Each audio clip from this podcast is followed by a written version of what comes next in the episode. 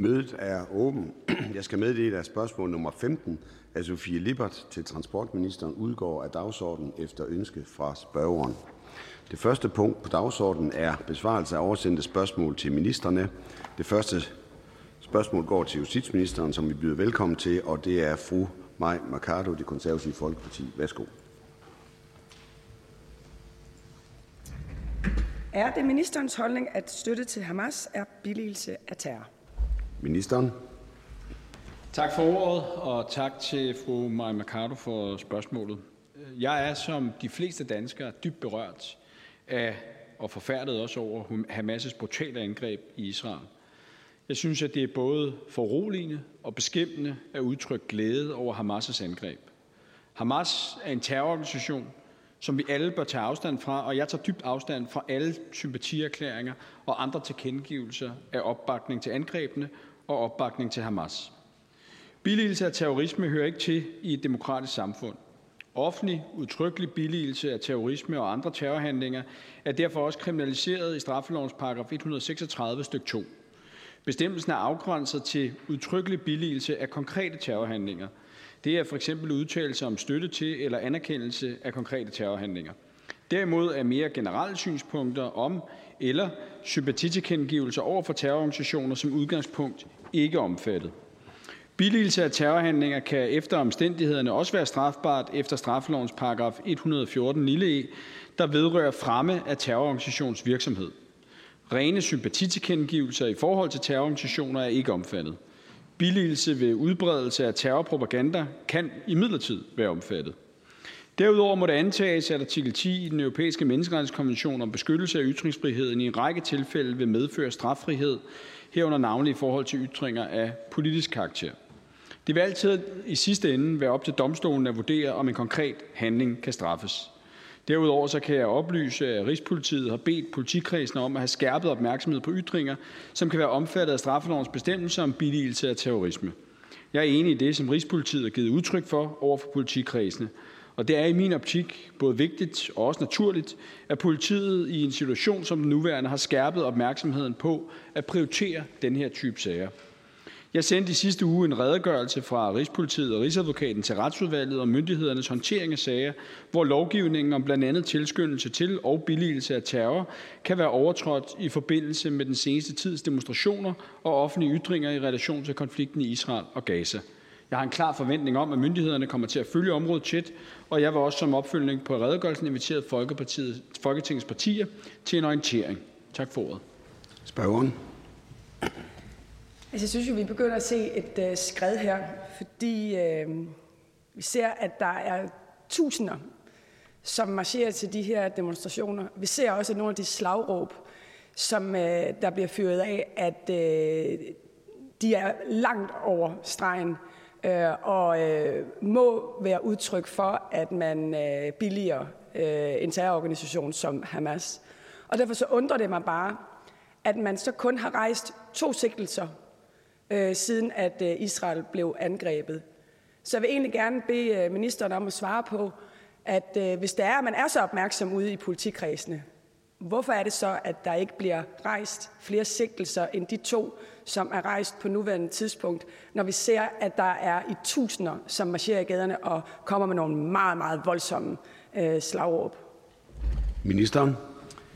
Jamen, altså, som jeg også var inde på før, så øh, har vi jo netop oversendt en redegørelse til Folketingets retsudvalg, og der kan jeg jo oplyse, at der per, 15. november 2023 er 13 verserende sager vedrørende overtrædelse af straffelovens paragraf 136 stykke 1 og 2 i relation til den aktuelle konflikt i Israel og Gaza. I seks af sagerne er der identificeret en mistænkt, og i to af sagerne er der sket sigtelse. Så alt i alt sagerne er jo således fortsat under behandling og dermed ikke øh, afsluttet. Spørgeren. Men ministeren har selv været ude at sige, at det her det kan betyde en større grad af radikalisering. Det kan betyde, at øh, flere øh, vender demokratiet ryggen, lader sig for mørke, og dermed også potentielt kan altså udgøre en risiko øh, i Danmark. Og derfor så vil jeg spørge, altså, kan det virkelig være tilfredsstillende, at man kun har rejst to sigtelser heraf, at man har identificeret 13 sager, når man har set så massiv og så stor en protest både med demokratiet og så stor en opbakning til Hamas, som der har været tilfældet i de her demonstrationer? Ministeren. Jamen, lad mig starte med at sige, jeg synes jo, at de 13 sager, der pt. Øh, er under efterforskning, hvor der er rejst sigtelse i to af dem, det er jo 13 for mange. Øh, forstået på den måde, at øh, øh, jeg mener, det er jo klart et udtryk for netop også det skred, som fru Maja Mercado siger, der er. Og det er jo også derfor, at politiet er meget opmærksom på det. Men det er jo hele tiden jo selvfølgelig en konkret afvejning i situationen. På den ene side, at vi har og skal have hvide rammer for ytringsfriheden i Danmark, overfor på den anden side, at der også bliver taget aktive skridt til at forfølge de sager, hvor der sker udtrykkelig billigelse af terror, som øh, det er foreskrevet i øh, straflovens paragraf 136. Spørgen for et afsluttende spørgsmål. Jamen, så vil jeg egentlig bare afslutningsvis stille det sådan helt åbenlyse spørgsmål, at hvis ikke der kommer flere sigtelser, til trods for, at der jo er videooptagelser, som jo viser de her meget, meget grove ytringer, og til trods for, at vi jo kan se i adskillige Facebook-grupper med kommentarsporet, hvordan at der jo er klar billigelse af Hamas, øh, som jo er en terrororganisation på EU's øh, liste, så vil jeg bare spørge, om ministeren så kan forestille sig, at vi altså skal gå ind og ændre på lovgivningen, således at det bliver lettere øh, at rejse de sager fremadrettet. Ministeren. Jeg er bestemt ikke afvisende over for at diskutere, om der kan gøres yderligere. Jeg tror stadigvæk, at det er for tidligt at konkludere, at vores eksisterende strafferetlige værn er, er, er ikke øh, er, øh, er tilstrækkeligt. Øh, jeg vil følge selvfølgelig de sager, der er baserende, der hvor der er rejst sigtelser meget, meget tæt. Jeg tror også, vi kommer til at se mere, både anmeldelser for enkeltpersoner. Der er jo, man er jo ikke straffri alene, fordi man skriver noget på Facebook. Det har tidligere øh, straffesager jo i øvrigt vist. Men det kræver jo særligt, når det sker i demonstrationsoptog, at myndighederne er i stand til at identificere dem, der kommer med ytringer, der kan kategoriseres som udtrykkelig billigelse af terror. Og det afslutter spørgsmålet. Vi siger tak til fru Maja Mercado fra Det Konservative Folkeparti. Det næste spørgsmål er ligeledes til justitsministeren, og jeg byder velkommen til hr. Peter Skåb fra Danmarksdemokraterne. Værsgo. Tak for det. Og jeg læser spørgsmålet op. Er det ministerens opfattelse og holdning, at FE-sagen har gjort skade på Danmarks internationale omdømme? Ministeren. Tak for ordet, og tak til Peter Skårup for spørgsmålene. Her Peter Skårup for spørgsmålene. Øh, jeg kan godt forstå interessen for spørgsmålet. Det internationale samarbejde er vigtigt for efterretningstjenesternes arbejde.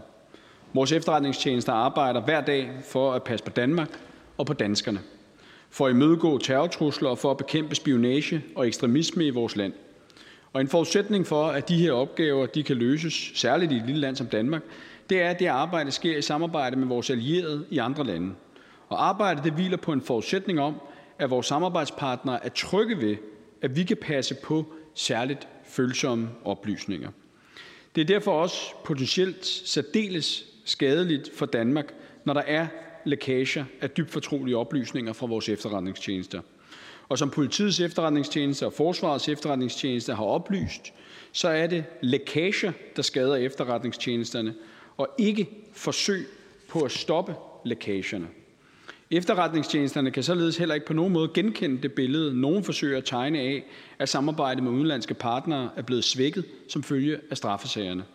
Og som efterretningstjenesterne også har været ude at sige, så har partnersamarbejdet i den seneste tid været så stærkt som nogensinde.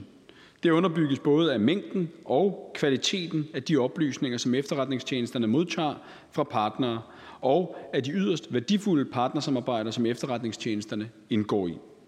Det, som ifølge efterretningstjenesterne tværtimod vil være et problem for samarbejdet med andre landes efterretningstjenester, var, hvis vi i Danmark ikke aktivt forfølger mistanker om lækager af følsomme oplysninger. Tak for ordet. Spørgen. Tak til justitsministeren for øh, besvarelsen her, og jeg synes jo, det er virkelig godt og positivt, hvis det er sådan, at vi kan være sikre på, at øh, vi øh, Øh, efter hele den her sag omkring Forsvarets Efterretningstjeneste er lige så godt stillet øh, efter, som vi var før, øh, i forhold til at kunne udveksle oplysninger til gavn for danskernes sikkerhed i dagligdagen. Det er jo det, justitsministeren siger, så det må vi jo ligesom lade, lade stå til troende, at det, det er vurderingen fra justitsministerens side og regeringens side. Når det så kommer til selve håndteringen af hele den her sag Øh, fra regeringens side, så øh, synes jeg godt, man kan øh, stille spørgsmålstegn ved, om det er foretaget og gjort på den rigtige måde. Øh, og det er der også en række eksperter, der har sagt til offentligheden, at de mener, at det har skadet Danmarks omdømme, at man har håndteret den her sag så kajtet, så amatøragtigt, som det har været tilfældet. Det gælder både øh, tidligere statsminister Anders Fogh Rasmussen, det gælder Øh, forskellige analytikere, der beskæftiger sig med efterretningsforhold, der mener, at, at regeringens håndtering har været meget amatøragtig og kritisabel. Øhm, så jeg kunne godt tænke mig at spørge justitsministeren på den baggrund, om øh, justitsministeren og regeringen fortryder øh, det, som den tidligere regering gjorde, nemlig Øh, at man hjemsendte en række medarbejdere sådan fra den ene dag til den anden på baggrund af tilsynets rapport, øh, som jo efterfølgende viser sig ikke rigtigt at holde vand. Var det en, en forkert håndtering fra øh, den daværende regering og forsvarsministerens side, øh, at man valgte, valgte at hjemsende en række medarbejdere og i øvrigt øh, starte en sag øh, på den lange bane, som virkelig har kostet mange kræfter for systemet og for retsvæsenet? Ministeren.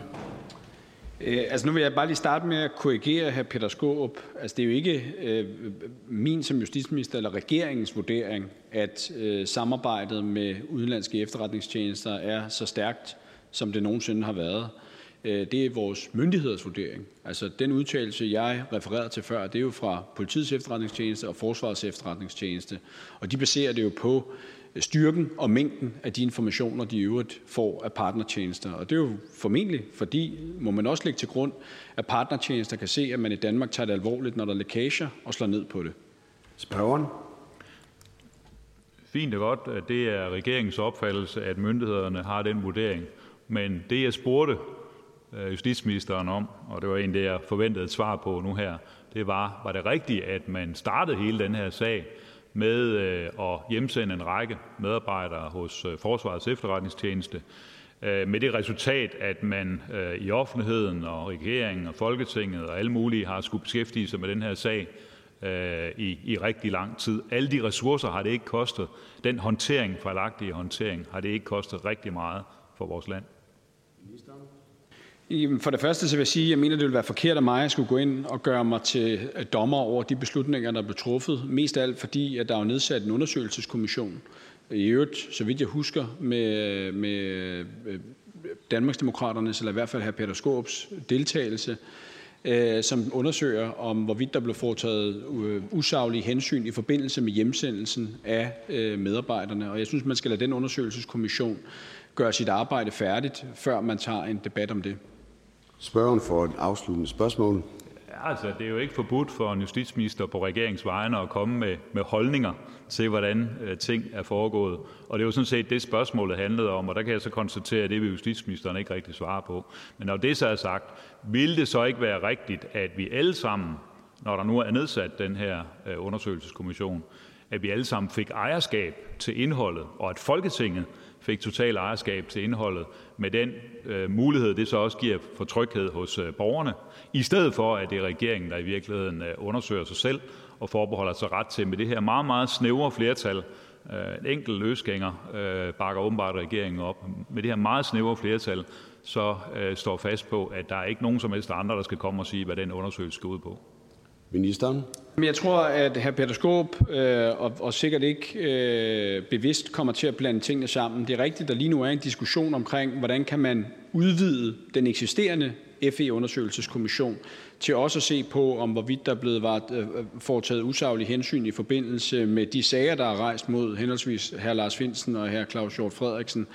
Men den undersøgelseskommission, der er gang i et arbejde, og som var det, hr. Peter Skåb spurgte ind til før, og hvor jeg jo som justitsminister mener, at jeg skal respektere, at en undersøgelseskommission arbejder, det er, hvorvidt der blev varetaget usaglige hensyn i forbindelse med hjemsendelserne af de ledende medarbejdere i Forsvarets Efterretningstjeneste. Og den kommission er i fuld gang med sit arbejde, og der er også aftalt med Folketinget en ramme for, hvordan det foregår, og i øvrigt også en ramme for, hvordan at den beretning bliver lagt åben frem.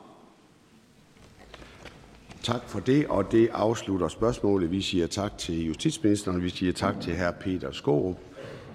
Jeg kan se, at erhvervsministeren ikke er i lokale, men jeg har talt med fru Mona Jul, og vi har socialministeren i lokale, så vi går videre til spørgsmål 4. Det er til social- og boligministeren, og jeg giver derfor ordet til fru Marlene Harpsø, Danmarksdemokraterne. Værsgo. Mange tak, og jeg vil læse spørgsmålet op.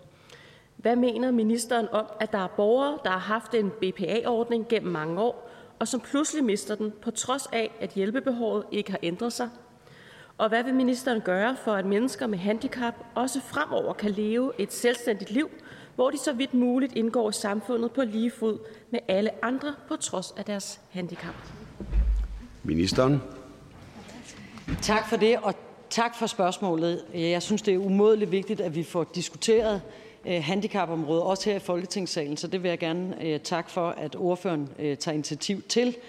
Og jeg bliver selvfølgelig nødt til indledningsvis at slå fast, at jeg kender ikke sagen i detaljer, så når vi har med de her enkeltsager at gøre, så kan jeg ikke forholde mig til det andet end principielt, og det gør jeg så til gengæld også. Jeg er ret forundret over, at en borger med fremadskridende sygdom, øh, som har haft en BPA-ordning øh, med døgndækning i 40 år, får frakendt sin ordning. Det er simpelthen bare ret forundret over. Øh, og jeg hæfter mig ved, at sagen den lige nu ligger øh, hos Ankestyrelsen, som jo er den myndighed, øh, der træffer afgørelse i den her slags sager. Men altså, lad os tage det lidt mere principielle, fordi det, må, det træffer Ankestyrelsen afgørelse omkring.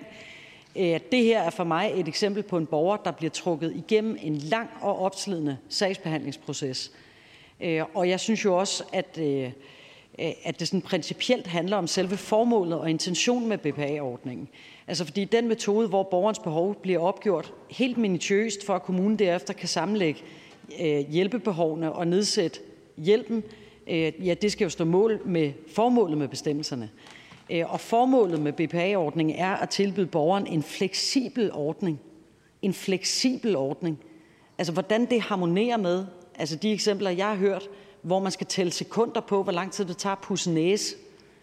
Altså, hvor i fleksibiliteten ligger der, har jeg meget, meget svært ved at se.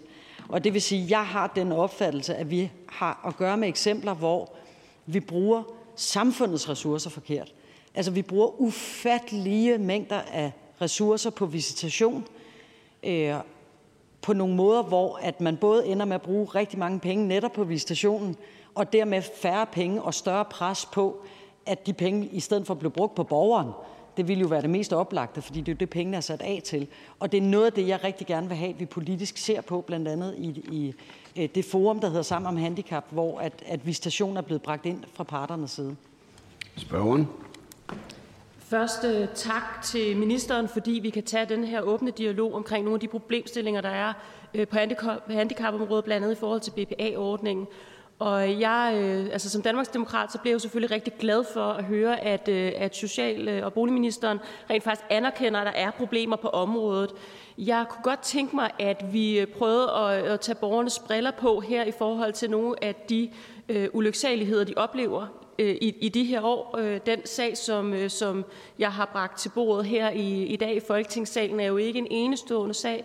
Der er rigtig mange mennesker, blandt andet med, med, med muskelsvind, som oplever øh, i de her år at blive frataget deres øh, BPA-ordning, øh, og i det hele taget at få nedsat hjælp til, øh, til både praktiske øh, og personlige gøremål. Og det er en meget stor udfordring i forhold til, at man også er et menneske og gerne skulle leve det liv, som man gerne vil. Øh, på trods af sit handicap. Man, øh, man kan godt være, at man har et handicap, men man skal jo kunne leve ligesom alle mulige andre, øh, som, øh, så vidt som det overhovedet er muligt. Og jeg er jo selvfølgelig glad for at høre, at ministeren tilkendegiver, at man øh, vil kigge på det øh, i forhold til det her øh, fællesskab, som ministeren har oprettet, som hedder Sammen om Handicap. Men vi kunne også godt tænke os i Danmarksdemokraterne, der kom noget konkret ud af det. Så kunne ministeren være noget mere konkret i forhold til, hvad er det for noget lovgivning, ministeren vil gå ind og, og ændre på, for at sikre, at vi rent faktisk får en lovgivning og en praksis derude, der gør, at vi har en værdighed omkring mennesker med, med så omfattende handicap, som, som det er tilfældet her. Ministeren. Lad mig blive helt konkret. Altså først tusind tak, fordi at Danmarksdemokraterne går op i spørgsmålet om handicap. Jeg glæder mig også til, at det ikke bare er sammen om handicap, men også er med Folketingets partier. Vi skal drøfte de her ting.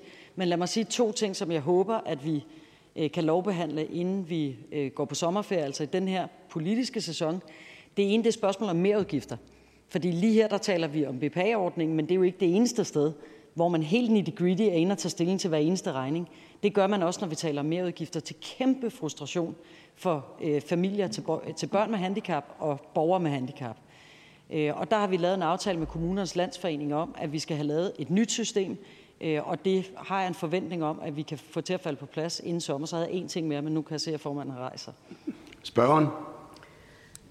Ja, fordi jeg kunne jo selvfølgelig godt tænke mig at høre nærmere omkring de konkrete ting. Mere udgifter, det lyder jo rigtig godt, at det er jo, fordi det ved vi jo også godt, at det er et kæmpe problem derude, øh, hele den lovgivning, der er der. Så det er fint, hvis vi kan få det på plads. Øh, og når ministeren så kommer med, med yderligere omkring, nu her lige om lidt, omkring hvad det er, der skal ske på området, hvordan vi helt konkret lovgiver for at rent faktisk forbedre praksis, så kan ministeren måske også komme ind på, hvordan at, at ministeren vil inddrage Folketings, Folketingets partier i det arbejde. Ministeren? Øh, jamen, først og fremmest vil jeg vil bare lige nævne de andre ting, for jeg synes faktisk, det er vigtigt at have med. Noget af det, som vi har kigget på, øh, det er visitationer. Vi bruger rigtig mange penge på visitationer. Det er simpelthen dyrt at visitere. Øh, og vi får ikke rigtig skældnet mellem, hvor der tale om noget, hvor... Altså, jeg har blandt andet haft med en borger at gøre, øh, som er skleroseramt. Altså, det er jo ikke sådan, at sklerose lige går over i overmorgen, desværre, fordi det har vi ikke behandling til, at det kan. Og det vil sige, det vil være meget sjældent, at man kommer i bedring som sklerosepatient, desværre. Og derfor er det fuldstændig ligesom med den case, vi taler om her, jamen der har vi jo at gøre med nogle ting, hvor at det går ikke lige over i overmorgen. Og der kan man jo godt diskutere, er det egentlig hensigtsmæssigt, at vi visiterer og genvisiterer, genvisiterer, genvisiterer. Så visitation vil jeg gerne kigge på, og vi skal selvfølgelig se på det folketingspartier øh, samlet set, og de vil selvfølgelig blive indkaldt på en måde, sådan, så vi kan nå at lovbehandle de første af tingene, inden øh, sæsonen er overstået. Spørgen for et afsluttende spørgsmål. Jeg, jeg er glad for, at ministeren pointerer, at der kommer til at ske noget her i Folketingssalen. Det er jo klart, nu har vi jo ikke set det konkrete i forhold til, om det rent faktisk gør noget i forhold til lige præcis BPA-ordningen, så det glæder vi os øh, til, at se, til at, at se, hvad ministeren kommer frem med der. Men et afsluttende spørgsmål, altså mener ministeren, og er ministeren enig i, at det, det ikke skal være vanskeligt for f.eks. mennesker med muskelsvind at, have en, øh, at, at få tilkendt en, en BPA-ordning? Ministeren? Ja, der vil jeg simpelthen helt generelt sige, vi skal ikke bruge penge, altså millioner og millioner og millioner af kroner på visitation og kontrol. Vi skal bruge pengene på borgerne. Og derfor så både hvad angår øh, den ene og den anden og den tredje og den fjerde ydelse på handicapområdet, så skal bevægelsen jo være, at vi ligesom når vi taler om skattepapir, jamen altså vores selvangivelser, det er jo kun et mindre antal af dem, der bliver tjekket efter, fordi det er på tro og love.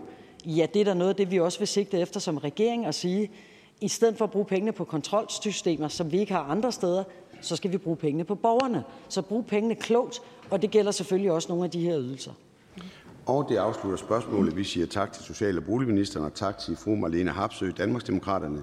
Nu kan jeg byde velkommen til erhvervsministeren. Det næste spørgsmål er til erhvervsministeren af fru Mona Jul fra det konservative Folkeparti. Værsgo.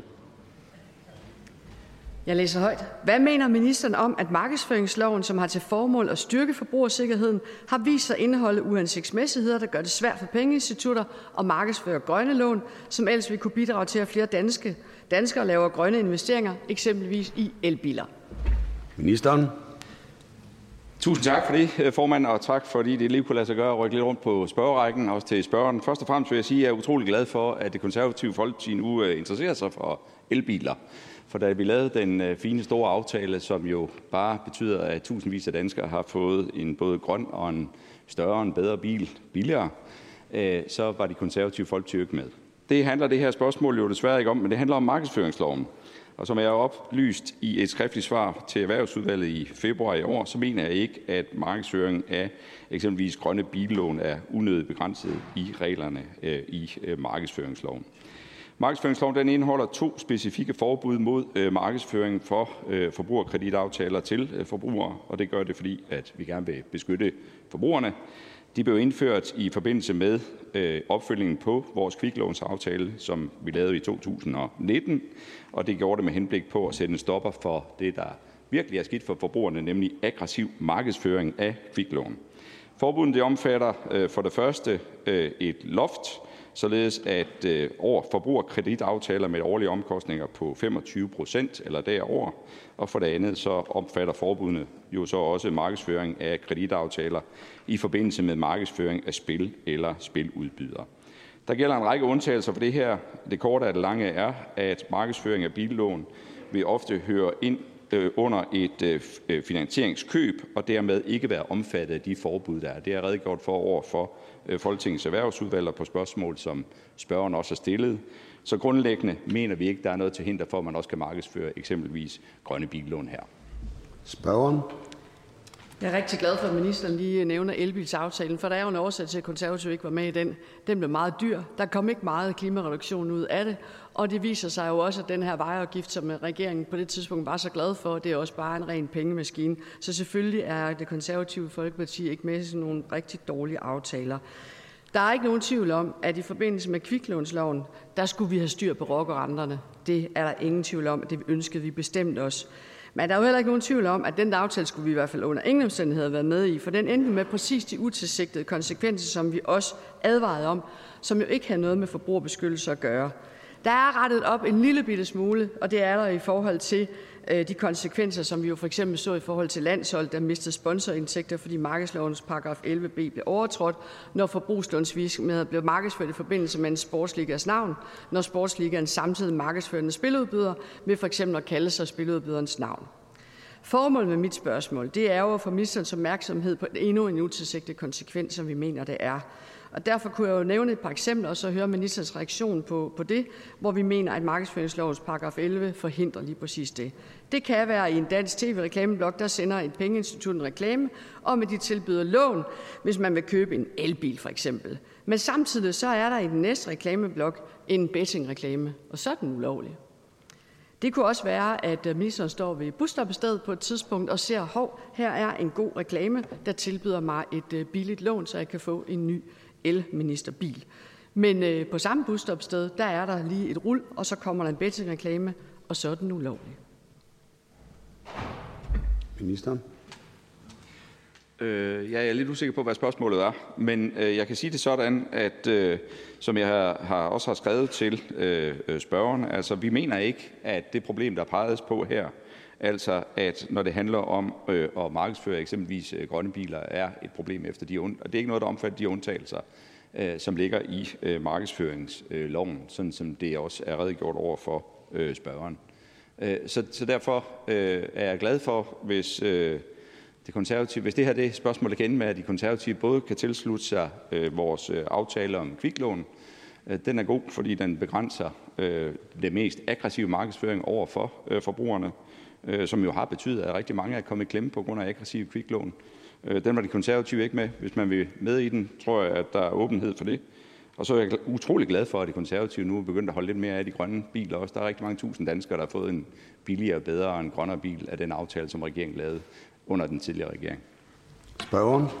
Jeg synes, det er dejligt, at ministeren her øh, siger klart og tydeligt, at enhver pengeinstitut bare kan markedsføre løs i forhold til øh, elbiler, også selvom der er bedste reklamer i præcis samme tv-blok, eller på den samme busstation, eller i en Facebook-reklame, eller hvad det må være. Det synes jeg, det bliver rigtig dejligt. Det tror jeg, der er rigtig mange pengeinstitutter, der bliver meget, meget, meget glade for.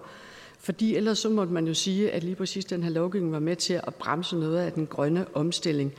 Og der er ikke nogen tvivl om, at øh, når vi er med i aftaler, så er vi det hele hjertet. Men en elbilsaftale, der ikke rykker, det er vi selvfølgelig overhovedet ikke med i. Når nu at ministeren siger, som, øh, som ministeren gør, er der så flere ting, som vi skal have aftalt i den her kviklånslov, som er en forhindring, som ministeren er villig til at se på? Ministeren. Altså, nu holder vi lige til spørgsmålet, og man skal passe på med at tolke meget mere ind i det, jeg siger. Øh, øh, nemlig, øh, og det jeg siger baserer sig på det svar, jeg allerede har sendt til øh, spørgeren. Og det er, at i forbindelse med aftalen om, om opfølging på den her kviklånsaftale, som handlede om at beskytte forbrugerne mod aggressiv kviklån, der blev der lavet nogle forbud. Øh, og øh, der er en, en række undtagelser til de øh, forbud. Og for eksempel omfatter forbuddet ikke markedsføring af finansieringskøb ved køb af en specifik vare eller tjenesteydelse, hvor kreditten helt eller delvis dækker købesummen. En sådan specifik tjeneste kan for eksempel være køb af en bil. Og det har jeg svaret øh, ordføreren, og det er det, der er rammerne for øh, kan man sige, den del af kviklånsaftalen. Andet kan man ikke tolke ind i det, og det synes jeg faktisk er udmærket, fordi det også her er med til at beskytte forbrugerne mod øh, kan man sige, aggressive kviklån, som jo er det, aftalen handler om. Spørgen får et afsluttende spørgsmål. Hører jeg ministeren trække i land i forhold til, at man alligevel har udfordringer med markedsføringslovens paragraf 11b? Ministeren. Det tror jeg ikke. Tværtimod, øh, så hører spørgeren ministeren sige, at i forhold til det spørgsmål, der er stillet, så mener vi ikke, der er noget problem. Så spørgeren burde være glad, tilslutte sig øh, kviklånsaftalen, sige, at det er fantastisk, at vi øh, har lavet en aftale, som rent faktisk beskytter forbrugerne mod aggressiv markedsføring. Det tænkte jeg også var de konservatives interesse. Det har i hvert fald været til gavn for rigtig mange forbrugere, og så er jeg utrolig glad for, at man er begyndt at holde af de grønne biler. Øh, tag et kig ud på vejene. Rigtig mange køber grønne biler nu. Det hjælper både øh, klimaet, det hjælper på transporten, og det hjælper almindelige familier til at få en billigere en bedre en grønnere bil at køre til og fra arbejde i, eksempelvis. Tak for det, og det afslutter spørgsmålet. Vi siger tak til erhvervsministeren og tak til fru Mona Jul fra det konservative Folkeparti. Jeg byder nu velkommen til beskæftigelsesministeren, og spørgsmålet bliver stillet af fru Victoria Velasquez fra Enhedslisten.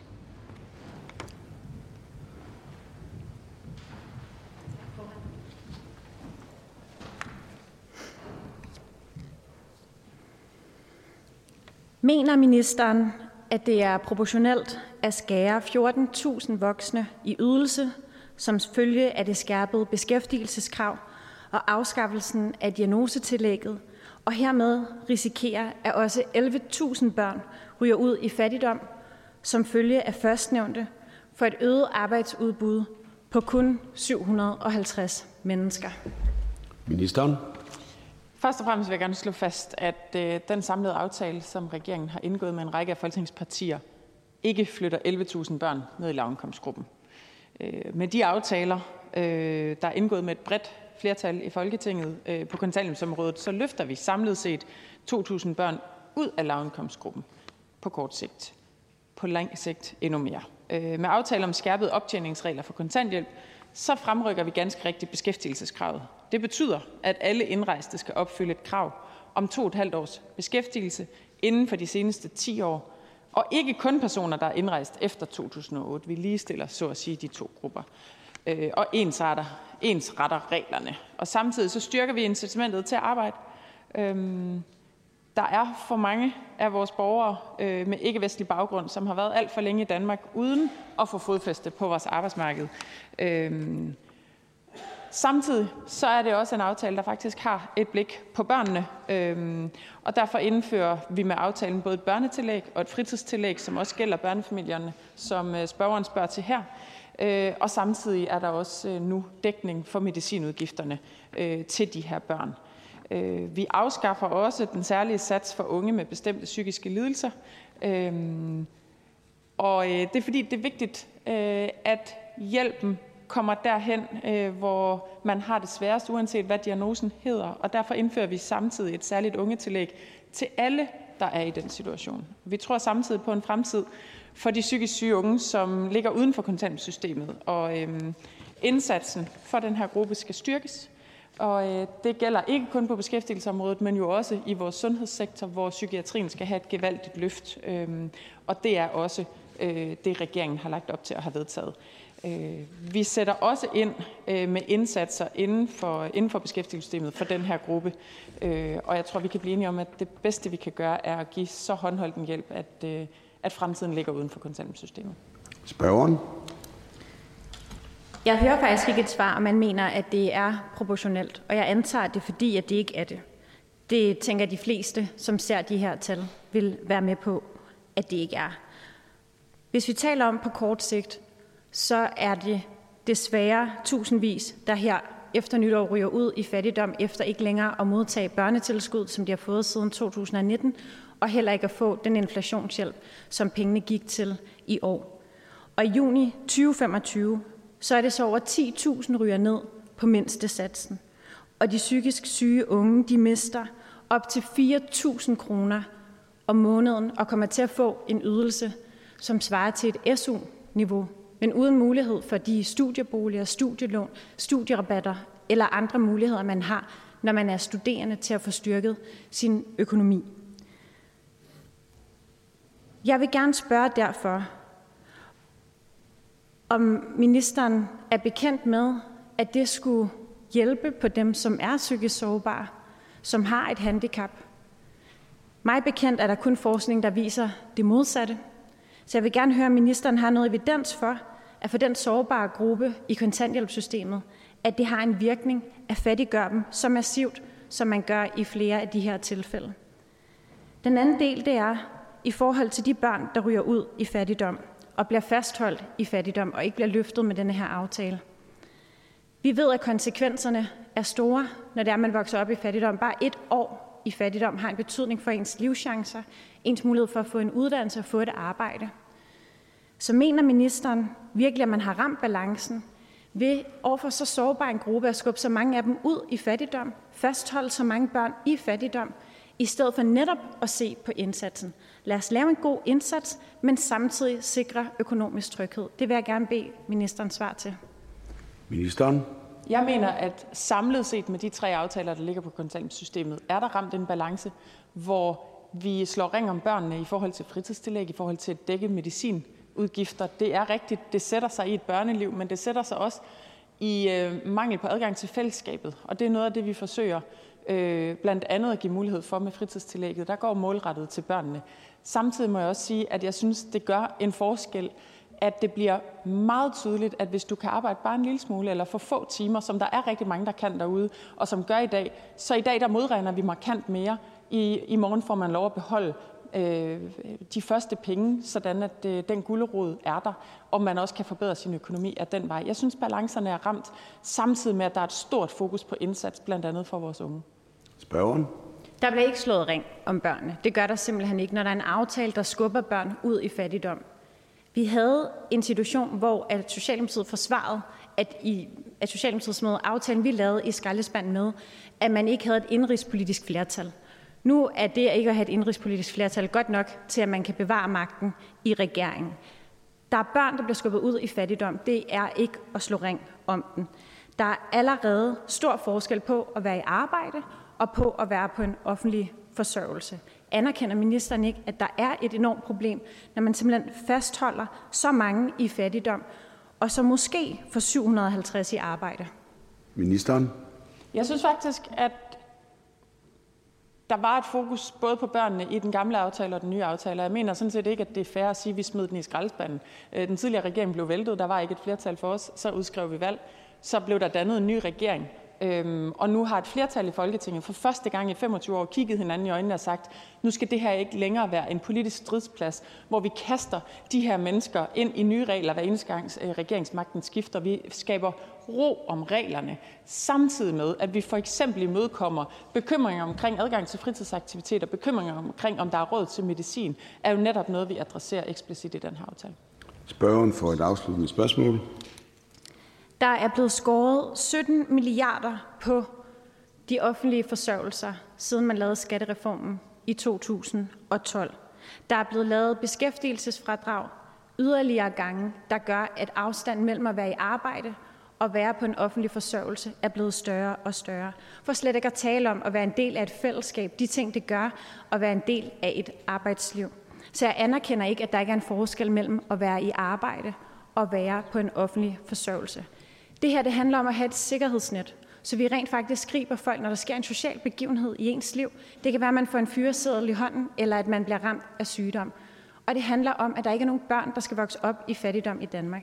Det er tilfældet efter den aftale, som der er blevet indgået. Faktisk aktivt skubber man 10.000 ned i ydelse. Over 10.000 ned i ydelse. Mener ministeren vidderligt, at det er proportionalt med, at man regner med, at det vil give 750 i øget arbejdsudbud at fattiggøre så mange mennesker? Kunne man ikke gøre det på en anden måde? Ministeren.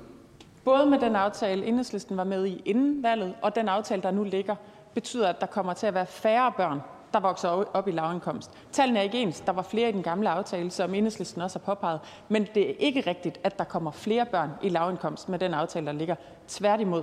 Samtidig så kunne du jeg kunne aldrig drømme om at sige, at der ikke er forskel på at være i arbejde og være i kontanthjælp. Der er kæmpe forskel. Ikke mindst for menneskers følelse af at høre til og have plads og, øh, og gøre nytte på en arbejdsplads, være en del af et kollegaskab. Det betyder også noget økonomisk, men det betyder selvfølgelig også noget for det enkelte menneske. Og derfor glæder det mig, at vi har færre i kontanthjælp, end vi har haft i mange år. Også færre børn. Altså vi har markant nedbragt antallet af børn med en forælder i kontanthjælpssystemet, og det glæder mig øh, usigeligt. Lad os gå ned ad den vej mere. Tak for det, og det afslutter spørgsmålet. Det næste spørgsmål er ligeledes til beskæftigelsesministeren og bliver ligeledes stillet af fru Victoria Velasquez fra Enhedslisten. Værsgo. Vil ministeren foretage sig noget for at sikre, at bygningsarbejdere og naboer til giftgrund i Nyborg ikke bliver syge? Ministeren. Tak for det, og også tak for at stille et spørgsmål, som virkelig sætter fingeren på, øh, på noget på vores arbejdsmiljø, som er helt afgørende øh, for os alle sammen, men, men ikke mindst selvfølgelig for de medarbejdere, der arbejder i det. Øh, der er god grund til, at vi i Danmark stiller skrappe krav, når det kommer til kemi, øh, og også risikoen for, at ansatte bliver udsat for kemi. Og det skyldes selvfølgelig, at, øh, at det kan være farligt, øh, og at vi skal beskytte de mennesker, der går på arbejde i Danmark, fra at blive syge af deres arbejde. Og der, hvor man har risiko for at blive udsat for farlig kemi, der er der jo krav om, at det skal planlægges og tilrettelægges og udføres, så det er sikkert og forsvarligt, også sundhedsmæssigt, at gå på arbejde. Øhm, og når der som her er tale om en byggeplads, så har bygherren og den projekterende også et ansvar. Øh, hvad angår øh, byggeriet på den forurenede grund i Nyborg, så er jeg blevet oplyst af Arbejdstilsynet, at de fra ultimo maj og så til ultimo november i år har gennemført 10 tilsyn med byggepladsen, og at de involverede aktører i den forbindelse har afgivet en række påbud til de relevante virksomheder. Øh, påbudene har selvfølgelig til formål at sikre, at de ansatte ikke udsættes for unødig påvirkning af farlige, øh, af farlige stoffer, som som loven foreskriver, at de ikke skal.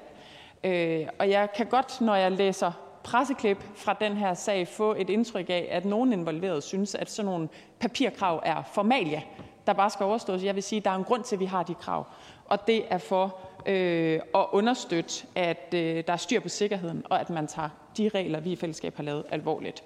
Øh, Arbejdstilsynet har også haft fokus på projekterernes pligter og truffet afgørelse om mangelfuld beskrivelse af risici i projektmaterialet rettet mod bygherren, der i det her tilfælde selv har projekteret arbejdet. Og herudover så har Arbejdstilsynet oplyst, at de er i dialog med de involverede aktører med henblik på, at alle aktører lever op til deres ansvar for et sundt og sikkert arbejdsmiljø. Og jeg håber virkelig, at man får genskabt trygheden omkring den her byggeplads.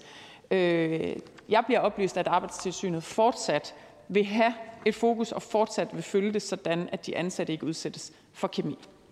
Spørgeren. Tak. Vi skal have skabt tryghed for arbejderne på den byggeplads. Det er fuldstændig afgørende. Og jeg er glad for, at ministeren følger med i, hvad der skal ske nu. Det er sådan, at øh, vi er så heldige at have fået et fint besøg. Vi har fået arbejdsmiljørepræsentanten, som sidder heroppe med, og øh, de har i chakket stillet øh, et spørgsmål og fortalt om, hvordan det er, så det vil jeg gerne dele med ministeren. Betonfolkene på Nyborg Lynfrost er blevet opmærksom på, at de går hver dag i kraftfremkaldende afgasninger og også er udsat for opsivning fra jorden, når det regner, hvor der ved prøver er påvist, at mere end halvdelen af væsken, der kommer op i jorden, ikke er vand, men kemikalier eller olie. Der har flere gange været tilsyn på pladsen, og alle gangene har medarbejderne fået lov at arbejde videre, til trods for, at arbejdstilsynet er bevidne om, at medarbejderne går i en potentiel kraftbombe. Hvis disse medarbejdere bliver kraftsyge eller på anden måde syg af det arbejde, de har udført, og arbejdstilsynet har været bevidst om de risikoer, der er forbundet med arbejdet, kan arbejdstilsynet med deres passivitet i deres tilsyn gøres økonomisk ansvarlig for medarbejdernes erhvervssygdomsforløb. Og jeg kan godt forstå, at man stiller det spørgsmål, og man gerne vil have det her spørgsmål rejst i Folketingssalen. For det første, nogle af de ting, som jeg har fået forelagt, der er der altså ikke blevet reageret nok til, til start, når man har ringet. Og der mener jeg, at det er afgørende, at man som arbejder kan vide, at man kan gå trygt på arbejde. Og når man ringer til tilsynet, så er de der. At så bliver det taget alvorligt. Så derfor vil jeg rigtig gerne høre ministeren til dels, hvad skal vi forvente af arbejdstilsynet, når en arbejder, for eksempel i den her givende situation, kontakter arbejdstilsynet, men også det spørgsmål, som Sjakket med repræsentation fra deres arbejdsmiljørepræsentant stiller, kan arbejdstilsynet med deres passivitet i deres tilsyn så gøres økonomisk ansvarlig for medarbejdernes erhvervssygdomsforløb? Ministeren. Først og fremmest så vil jeg også godt uh, sige velkommen uh, til de, til de uh, involverede folk. Jeg synes, det er rigtig stærkt, uh, at, uh, at de stemmer, det handler om, uh, de stemmer, vi laver regler for at beskytte, Øh, grunden til, at vi sad hele foråret og forhandlede arbejdsmiljøaftaler, også gav ekstra penge til arbejdstilsynet, skærpede fokus på kemi, var jo lige præcis for, at mennesker ikke skal gå på arbejde med lige præcis den følelse, der beskrives i det spørgsmål, der er sendt ind. Øhm, så, så det mener jeg er øh, vigtigt at få frem. Øh, og nej, det er ikke muligt at altså svaret til det konkrete spørgsmål er nej, men det er jo ikke det samme som, at man ikke skal opleve, at når man prøver at råbe op omkring, at ens arbejde er utrygt og farligt, så skal man lyttes, og så er der også et samfund, der skal håndhæve de regler, vi i fællesskab har lavet. Spørgeren. Dertil vil jeg gerne spørge, ministeren vil være med til at følge op på, om de ressourcer, vi har afsat, er tilstrækkelige, og også om der er de kompetencer, som vi har brug for i tilsynet, så den tilsynsførende, der kommer ud, er den, der selvfølgelig er preppet til at tage sig af de forhold, der er på pladsen. Et andet spørgsmål er, i daglig tale kalder vi det liv, ære og velfærd. Og i det tilfælde, hvor de er sikre på, arbejderne, at deres helbred bliver udsat ved arbejdet, så er deres gode ret til at gå i skuret og bede om, at forholdene bliver bragt i orden. Og her hvis det er, at de uretmæssigt så bliver opsagt, så bliver de jo ramt af karantæne i dagpengesystemet.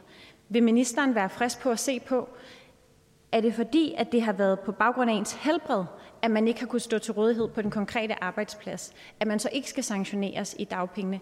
Eller på anden vis se, hvordan styrker vi arbejdernes mulighed for faktisk at kunne passe på deres liv, ære og velfærd? Ministeren. Altså først og fremmest, så har vi jo de her regler, fordi de skal håndhæves og fordi man allerede, når man sidder til rette lægger sådan byggeri her, skal tage højde for, om de her ting opstår, øh, og at, at der er værn og beskyttelse af mennesker, der går på arbejde, lige præcis bygget ind i de her regler.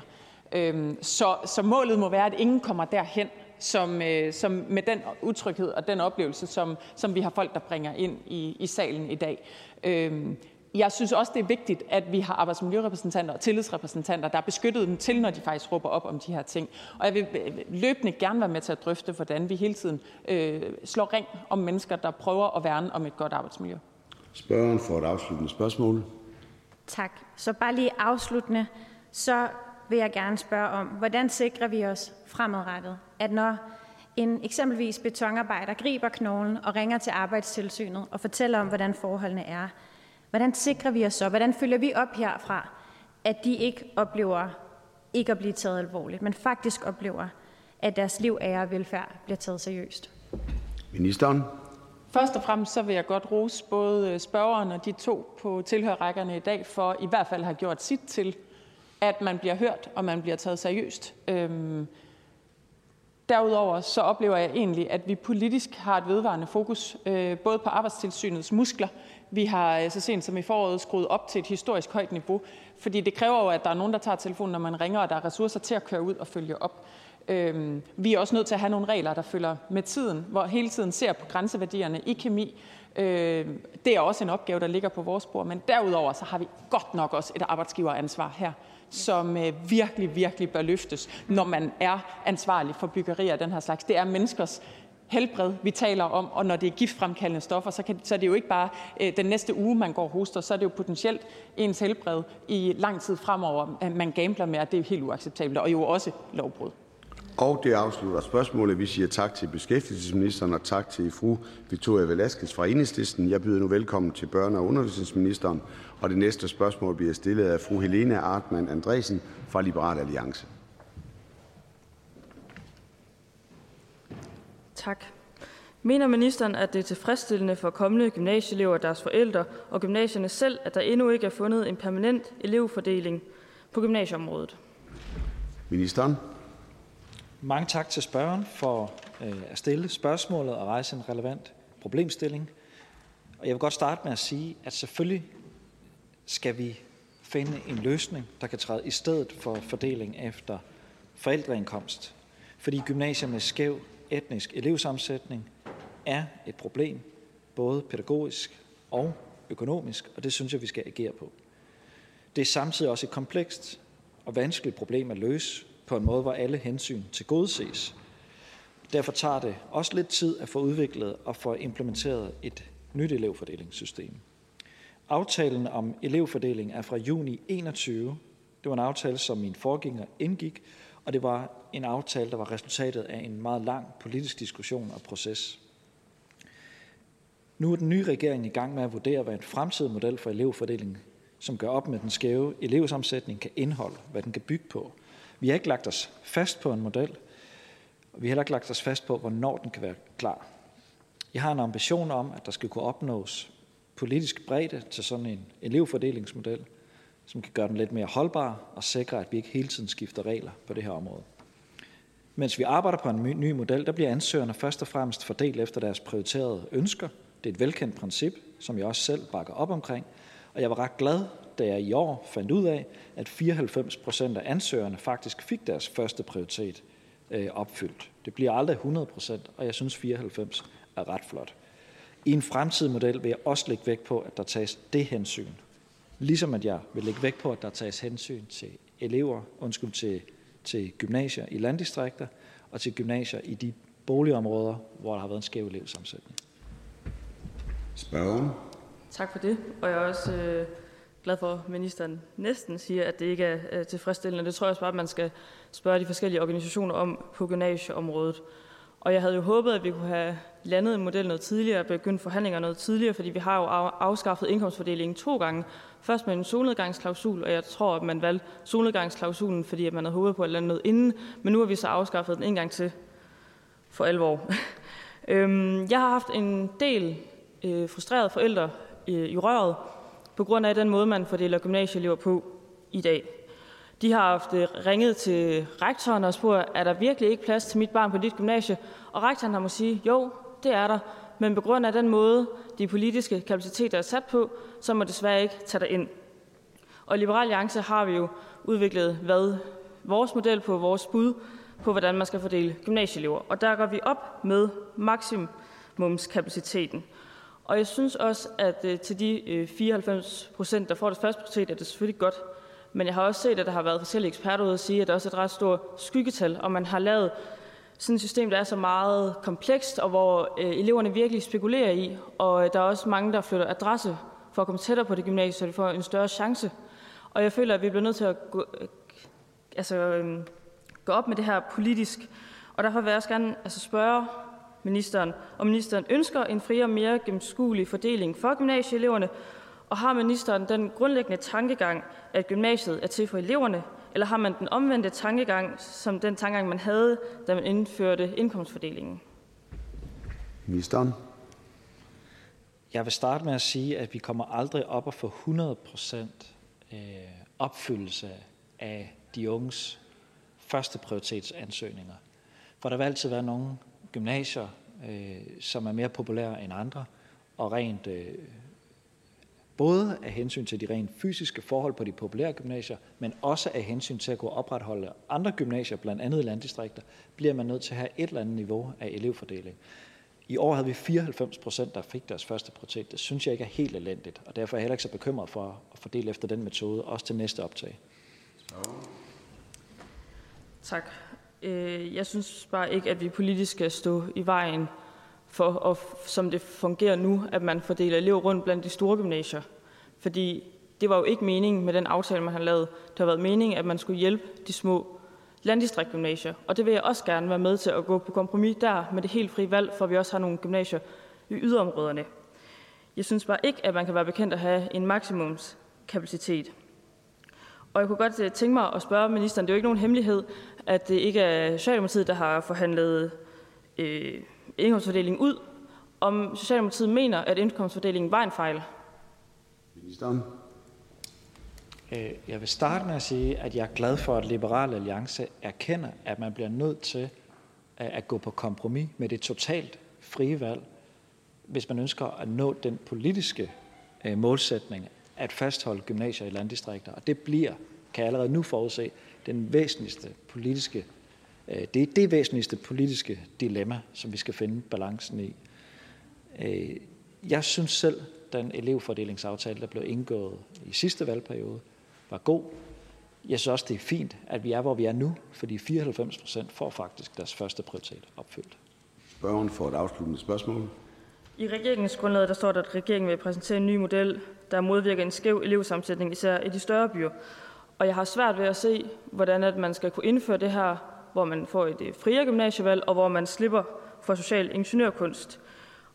Og jeg vil mene, at en af løsningerne vil være at gøre det nemmere for gymnasierne, altså man ender på taxameteret også, for at kunne smide elever ud, der ødelægger det for alle de andre, og måske også kigge på adgangskravet til gymnasierne, så det bliver sværere at komme ind på gymnasierne, og samtidig at vi hæver det faglige niveau på gymnasierne, fordi det er der virkelig brug for.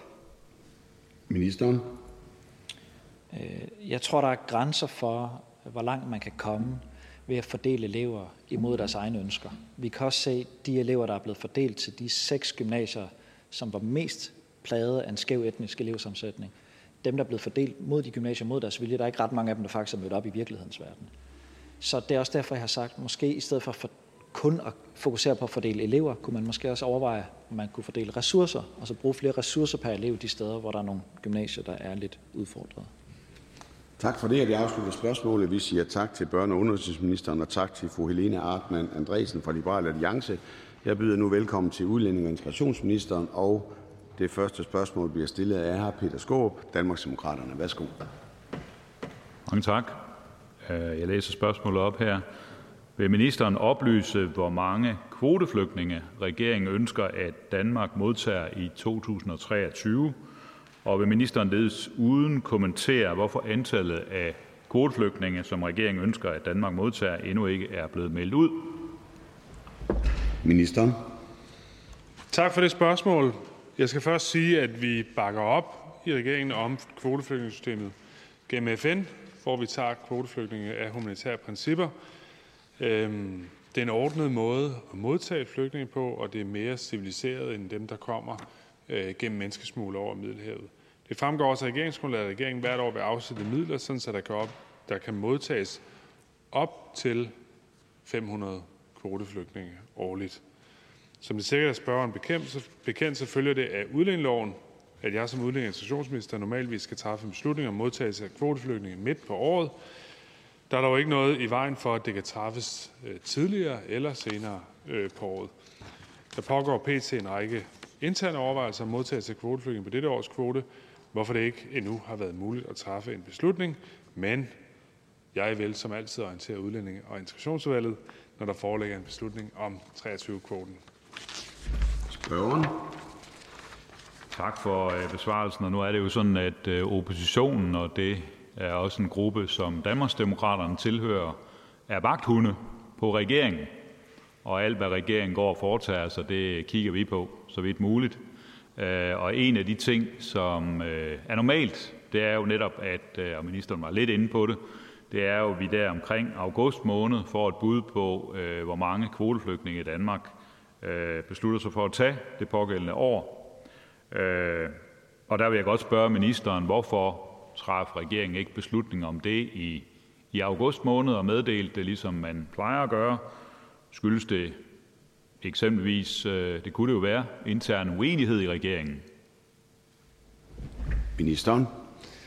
Ja, hvis vi tager for mange kvoteflygtninge, så er Danmarksdemokraterne utilfredse. Hvis vi slet ikke tager nogen nu, så er man også utilfreds. Så det er, jo, det er jo lige meget, hvad man gør, så går det galt. Men det er jo, som jeg siger, øh, interne drøftelser, vi har i regeringen, som ikke er afsluttet nu. Men jeg lover, at vi træffer en beslutning inden øh, årets øh, udgang.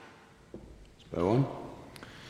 Ja, altså, jeg ved ikke, om vi kommer videre med det, men øh, ministeren har jo flere svarmuligheder herefter, så det kan jo være, at vi vi kommer frem til noget. Jeg vil i hvert fald godt spørge øh, om, hvad ministeren forventer, at der kommer ud af det. Altså, siden 2020 der har man jo øh, valgt at modtage 200 kvoteflygtninge fra Rwanda, øh, og der er det jo interessant, øh, om ministeren forventer, at man vil tage flere eller færre kvoteflygtninge end det i 2023. Ministeren. Jamen, det er nok for tidligt at sige noget om. Øh, ja, altså, vi har en ramme, øh, som vi jo også havde i den gamle regering, øh, den tidligere regering, øh, som hedder op til 500. Og, og, der, og den brugte vi jo så ikke fuldt ud dengang. Der, der brugte vi de, de 200. Det synes jeg fungerede meget godt, men det er for tidligt at sige øh, for mit vedkommende, hvor meget det bliver i år. Øh, men jeg lover, øh, at jeg har et svar, inden vi går på juleferie her i Folketinget. Spørgeren for et afsluttende spørgsmål. Ja, og det, det lyder selvfølgelig godt, fordi det gør jo så, at, at vi ved, hvad vi har forhold os til, øh, når vi skal kigge på, hvad regeringen gør. Øh, når man sådan kigger hen over Europa, så er det jo desværre sådan i øjeblikket, at der er et, et kæmpe øh, migrantpres på Europas grænser, Og, og der kan man sige, hvorfor ønsker ministeren så i den her situation, hvor der kommer mange til Europa allerede nu, Øh, at vi skal til at modtage kvoteflygtninge? Det kan man jo undre sig over. Jeg lagde mærke til et interview i mandags i Berlingske, hvor ministeren sagde, at jeg citerer, 2015-tallet, altså under flygtningekrisen, er på 21.000 asylansøgere, og det kæmper vi stadig med at få styr på. Så hvis ministeren mener, der er meget store udfordringer med at have styr på det stadigvæk, øh, jamen hvorfor ønsker ministeren så, at vi skal modtage endnu flere flygtninge til Danmark? Ministeren. Jamen først vil jeg sige, at dem, der kommer på FN's kvote, øh, er jo generelt folk fra lande, som øh, har en bedre integrationshistorik. Nu er det jo blandt andet Rwanda, som, som vi har taget øh, flygtninge fra. Øh, så vil jeg sige, at øh, der er masser af lande i Europa, der har nogle, for mig at se, helt uoverstigelige antal, der kommer i de her øh, måneder. Øh, men i Danmark har vi det ikke. Altså, øh, der har vi lave øh, asyltal, og derfor kan vi også godt se på, kan vi så tage øh, nogle kvoteflygtninge, når nu vi har så godt styr på, øh, hvor mange der kommer til landet, som vi har. Og det afslutter spørgsmålet. Vi siger tak til hr. Peter Skåb fra Danmarksdemokraterne. Det næste spørgsmål er ligeledes til udlænding og integrationsministeren, og jeg byder velkommen til Christine, fru Christine Olumeko fra Alternativet og medspørger fru Aki Mathilde Høgh Dam. Værsgo. Vil ministeren redegøre for, hvorfor partierne bag finanslovsaftalen for 2022 endnu ikke er blevet indkaldt til forhandlinger omkring handlingsplanen mod racisme, og hvorfor handlingsplanen mod racisme stadig ikke er blevet lanceret? Ministeren. Tak for spørgsmålet. Jeg vil gerne starte med selvfølgelig at slå fast, at racisme er helt øh, uacceptabelt, og at det ikke skal finde sted i et land som Danmark. Der er sket meget siden handlingsplan mod racisme blev vedtaget af den daværende regering sammen med Venstrefløjen og Kristdemokraterne. Vi har haft folketingsvalg efterfulgt af en øh, lang regeringsdannelse. Vi har fået en ny regering, der efterfølgende har haft en proces for at finde ud af, hvordan opgaverne skal prioriteres og hvordan de skal fordeles. Og det har også gjort sig gældende for handlingsplanen mod racisme, der i sommeren 23 blev overdraget fra Justitsministeriet til Udlænding og Integrationsministeriet. Det betyder, at handlingsplanen er blevet lidt øh, forsinket, men jeg kan forsikre om, at vi stadig i regeringen har høje ambitioner for bekæmpelsen af racisme. Arbejdet det er i fuld gang, og i mit ministerium er vi i gang med at undersøge de mulige initiativer, der kan indgå i handlingsplanen. Det regner vi med at offentliggøre i første halvdel af 2024, og der vil jeg invitere alle folketingspartier til en drøftelse af handlingsplanens tematikker og initiativer, for i mine øjne så er kampen mod racisme et område, som vi bredt i Folketinget burde kunne enes om. Spørgeren. Her to år efter, så har vi stadig ikke set skyggen af en handlingsplan mod racisme. Sidst jeg var på talerstolen, så fik jeg at vide, at det ville være i år. Der er ikke sket noget siden da. Alt imens så er vilkårene for etniske minoritetsdanskere øh, ikke blevet bedre, bestemt ikke, øh, tværtimod værre. Vi ser, hver tredje med etnisk minoritetsbaggrund oplever jævnligt racistiske tilråb på fodboldbanen eksempelvis. Fatma og Ahmed skal sende 52 procent flere jobansøgninger end Camilla og Morten, inden de bliver indkaldt til jobsamtale. Og det på trods af, på trods af, at de har de samme kvalifikationer. Og minoriteter i sundhedsvæsenet, de oplever, at deres sundhed bliver ignoreret og negligeret, fordi deres smerter jo bare er etniske smerter. Så nu vil jeg gerne spørge igen, hvordan kan det være, at det har taget øh, to år, to år siden vi afsatte pengene, at, øh, at komme, øh, ja, ikke engang lavet en handlingsplan. hvordan kan det tage to år? Ministeren. Ja, det er jo blandt andet, fordi der er kommet en ny regering, og det er jo sådan set ikke, det var ikke Socialdemokratiet, der ikke ønskede, at den gamle regering kunne fortsætte. Jeg tror heller ikke, det var Alternativet sådan set, men der var jo øh, et af de støttepartier, som væltede regeringen i oktober sidste år. Øh, og hvis ikke man havde gjort det, så havde der nok været en sandsynlighed for, at vi kunne have haft gang i det arbejde nu her. Men det er jo vilkåret, når man danner en ny regering, så ligger der jo en masse opgaver, som der skal tage stilling til. Hvor skal det ligge hen? Hvem skal tage fat i det? Hvornår skal vi prioritere? Hvad er først i køen? Øh, og det er klart, det har da også påvirket sådan en proces som denne her. Jeg havde da håbet, at vi kunne have, have fortsat med den gamle regering og så gennemført det her, øh, ligesom så mange andre gode initiativer. Spørgeren. I en ny undersøgelse fra EU's Arkitektur for Grundlæggende Rettigheder, der bliver Danmark placeret som det fjerde mest racistiske land i EU. Mener ministeren, at det er forsvarligt, at Danmark stadig ikke har en handlingsplan mod racisme i lyset af de tal, når nu vi kan se, at strukturel racisme øh, åbenbart trives i det danske samfund, og er det ministerens ambition, at handlingsplanen, der måske kommer i 2024, vi skulle gøre op med det? Ministeren.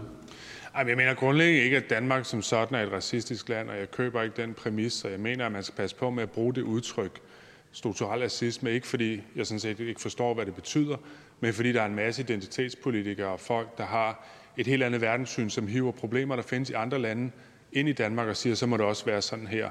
Altså, lad os tage Black Lives Matters for eksempel, som er en bevægelse, der springer ud af en racisme, der foregår i USA, som man så forsøger at replicere på Danmark, velvidende, at der jo ikke er øh, eksempler på for eksempel afroamerikanske eller afrodanske borgere øh, er blevet slået ihjel af politiet.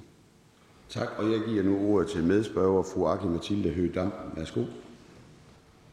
Jeg skal lige få den her ned, ja. hvis jeg kan. Det er ikke så nemt, når man ikke har samme højde som mange inde i salen. så. Ja, rønner. Nå.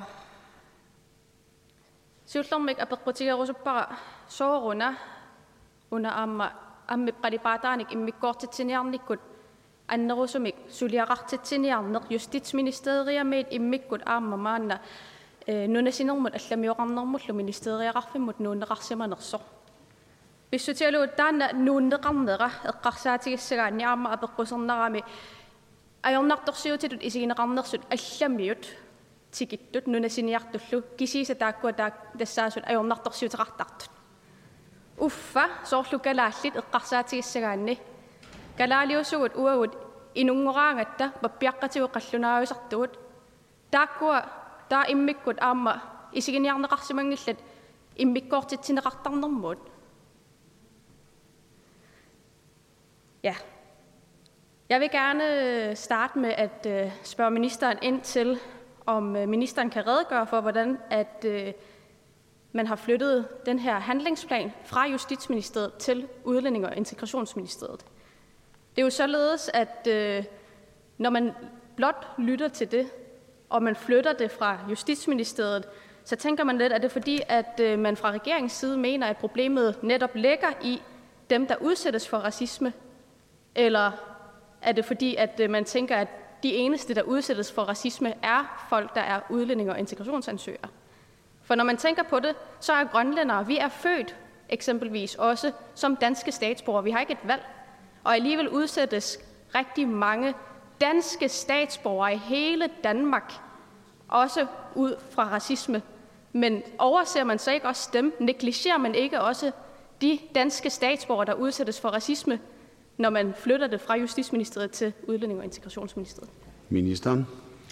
Nej, nej, det synes jeg ikke, øh, at man gør. Øh, og jeg synes også, hvis det, man ønsker, som jeg synes er en stærk ambition, at rigsfællesskabet består af tre selvstændige lande, som har en forbindelse, så synes jeg også, det er fair nok at betragte på den måde, at grønlændere, som bor i Danmark, selvfølgelig skal ses som alle mulige andre nationaliteter, der bor øh, i Danmark. Og det, Øh, der handler om racisme imod grønlænder, er sådan set en af mine vigtige prioriteter i denne her øh, øh, handlingsplan mod racisme, og noget af det, som jeg allerede Øh, har haft gang i arbejdet med, fordi jeg mener, det er et stort problem, at grønlændere bliver udsat for langt mere diskrimination i Danmark, end man gør, hvis man kommer til andre lande i Europa. Og det har selvfølgelig noget at gøre med den fortid, som Danmark og Grønland har sammen, og som vi bliver nødt til at forholde os til, både som, som dansk regering, men sådan set også som folketing.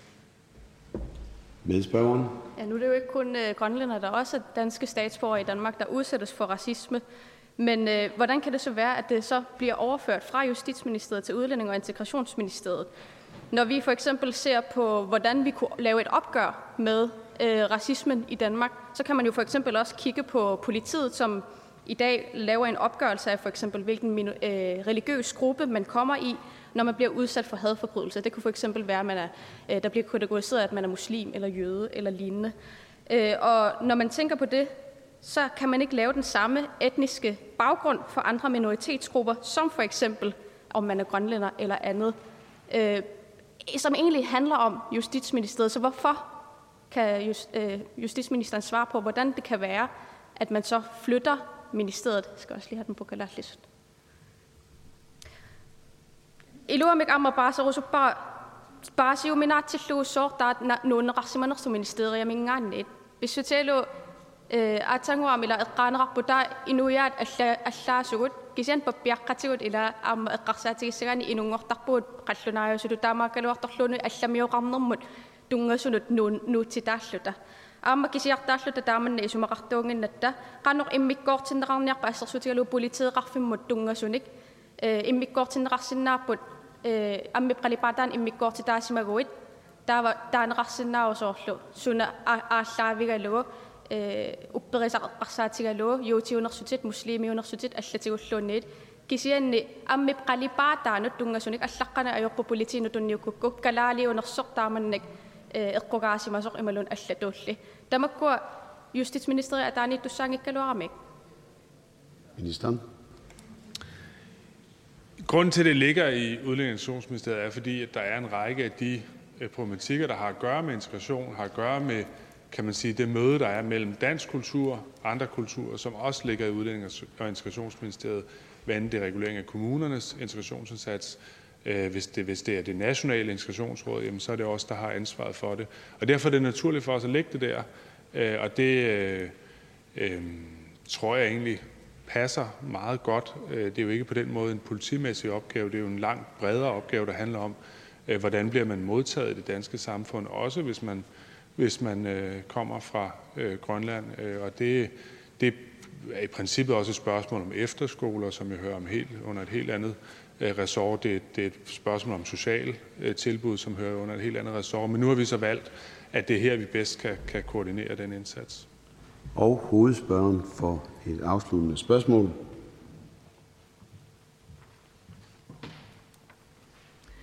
Tak. Nu fik ministeren sagt før, at, at øh, Danmark ikke er et land, hvor, hvor racisme trives. En ud af fem grønlændere oplever kritisk diskrimination i for, ifølge Institut for Menneskerettigheder. Øh, dobbelt så mange lønmodtagere, der er etniske minoriteter, oplever diskrimination på arbejdspladsen. Jeg håber, ministeren vil anerkende, at det er tal, der i den grad viser, at vi har diskrimination i det her land, og racisme, vil jeg mærke. Vil ministeren ikke fortælle om sine ambitioner for det her område, når nu ministeren har overtaget handlingsplanen?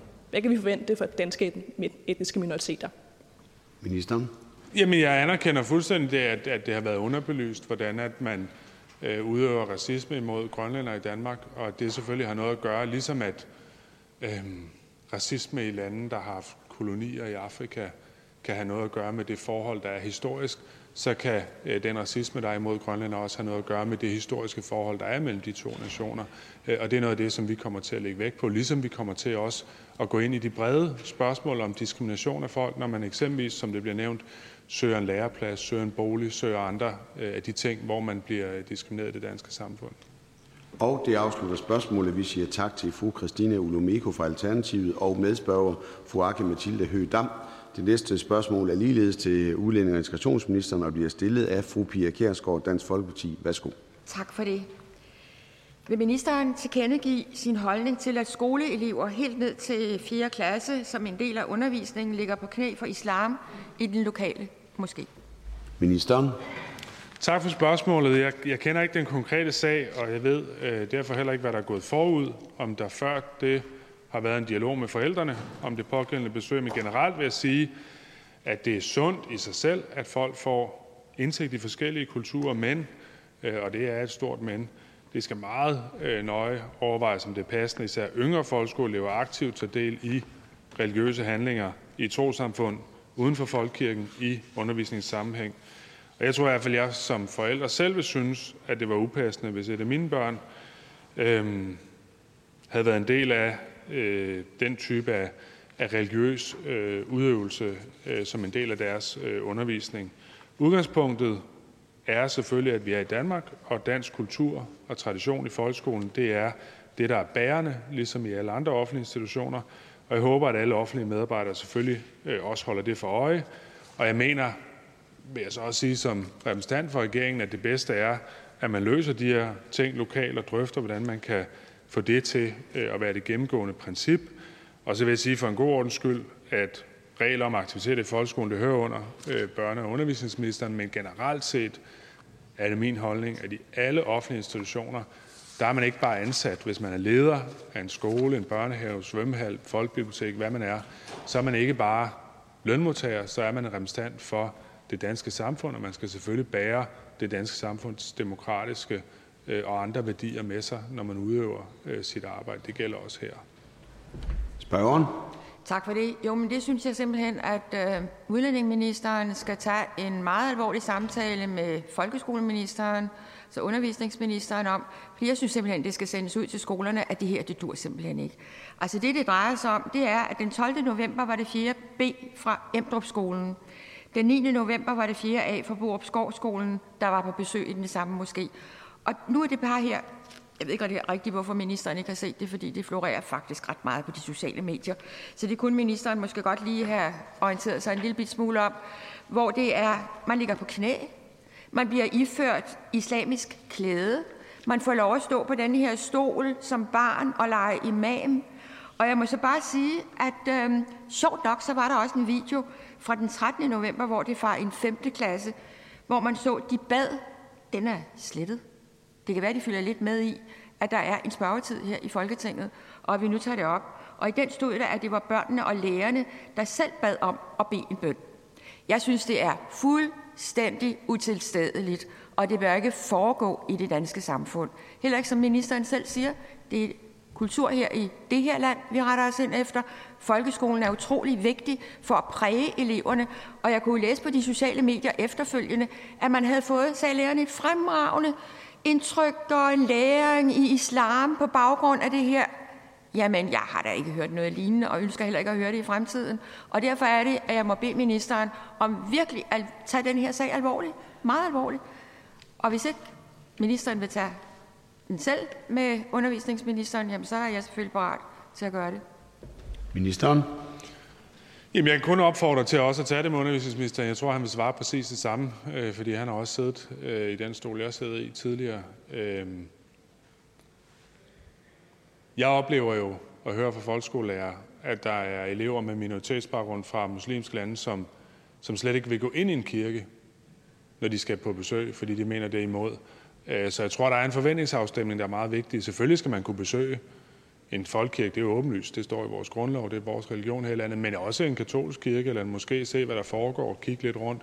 Men at deltage i religiøs udøvelse, det, det mener jeg, det, øh, det er svært ved at se, øh, at det er nødvendigt for at forstå, hvad en religion går ud på. Spørgeren? Man er iklædt islamisk beklædning. Man ligger på knæ for at bede. Den værste video er åbenbart slettet.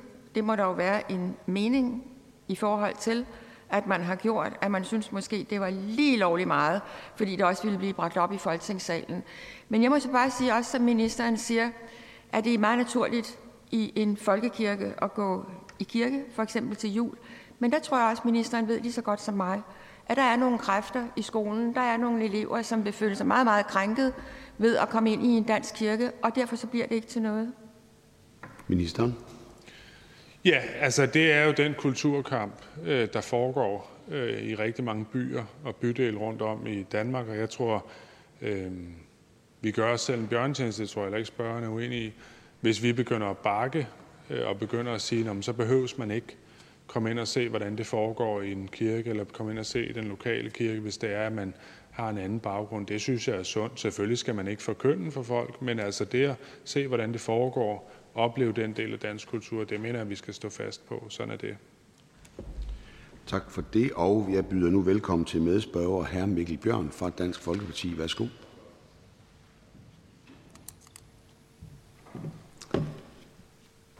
Tak for det. Jamen, jeg er i forlængelse af fru Pia Kærsgaards spørgsmål nysgerrig på, hvad ministeren egentlig mener om, at islam på den her måde sniger sig ind i vores offentlige institutioner. Altså, skal elever deltage i islamiske ritualer, der jo grundlæggende symboliserer underkastelse til en Gud, der ønsker fysisk afstraffelse af vantro, jøder, homoseksuelle osv. osv. osv.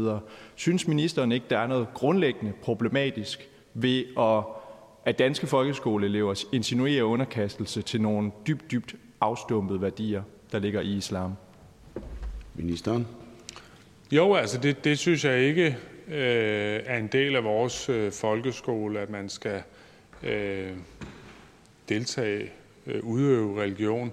Jeg synes, det er fornuftigt, hvis man som lærer tager på sig og siger, øh, det kunne være i samfundsfagsundervisning andre steder, at man siger, at det at lære om, hvad er islam for en religion, det synes jeg er fornuftigt. Folk forstår det, ligesom andre religioner også er vigtige at lære om. Men at deltage i det, det kan jeg slet ikke se, at det hører hjemme. Og der er, som spørgeren siger, en tendens til, at nogle af de her værdier sniger sig ind i den offentlige sektor nogle steder, øh, hvor, øh, hvor det bekymrer mig øh, utrolig meget. Altså nogle af de her praksiser, som også gælder for voksne mennesker, øh, skilsmisserådet og øh, alle mulige andre religiøse parallelstrukturer, øh, som desværre man hører om, øh, også øh, sniger sig ind i, i, øh, i nogle af de myndighedsorganer, som vi har i, i vores offentlige sektor. Det er jeg meget bekymret for. Medspørgeren. Tak for det. Jamen, så er jeg egentlig bare lidt nysgerrig på, hvad øh, regeringen har tænkt sig at gøre for at indskærpe over for danske folkeskoler, at selvfølgelig skal man ikke dele. Jeg kan forstå, at det her det er et skolesamarbejde øh, mellem folkeskolens øh, skoletjeneste og så 35 skoler, der skal ud og besøge den her moské, og alle sammen insinuerer underkastelse til, til de her dybt afstumpede værdier. Hvad vil regeringen gøre for at sørge for, at det her ikke foregår uden i vores danske folkeskoler?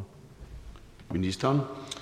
Jamen, det er børne- og undervisningsministeren, der har ansvaret for, for vores folkeskoler, men, men men jeg mener, at vi i alle de sammenhænge, vi kan, og det har jeg sådan set også selv forsøgt på som minister, skal stå fast på, øh, at man som offentlig leder af en skole, en svømmehal, daginstitution, hvad det nu er, også har et ansvar for, at de værdier, som er bærende i vores samfund, bliver ført igennem i den måde, man driver øh, sin institution på. Det vil sige folkestyre, ligestilling, at man opdrager sine børn på en ordentlig måde. Alle de ting, det skal selvfølgelig være gældende, øh, og det skal de enkelte ansatte også øh, udleve.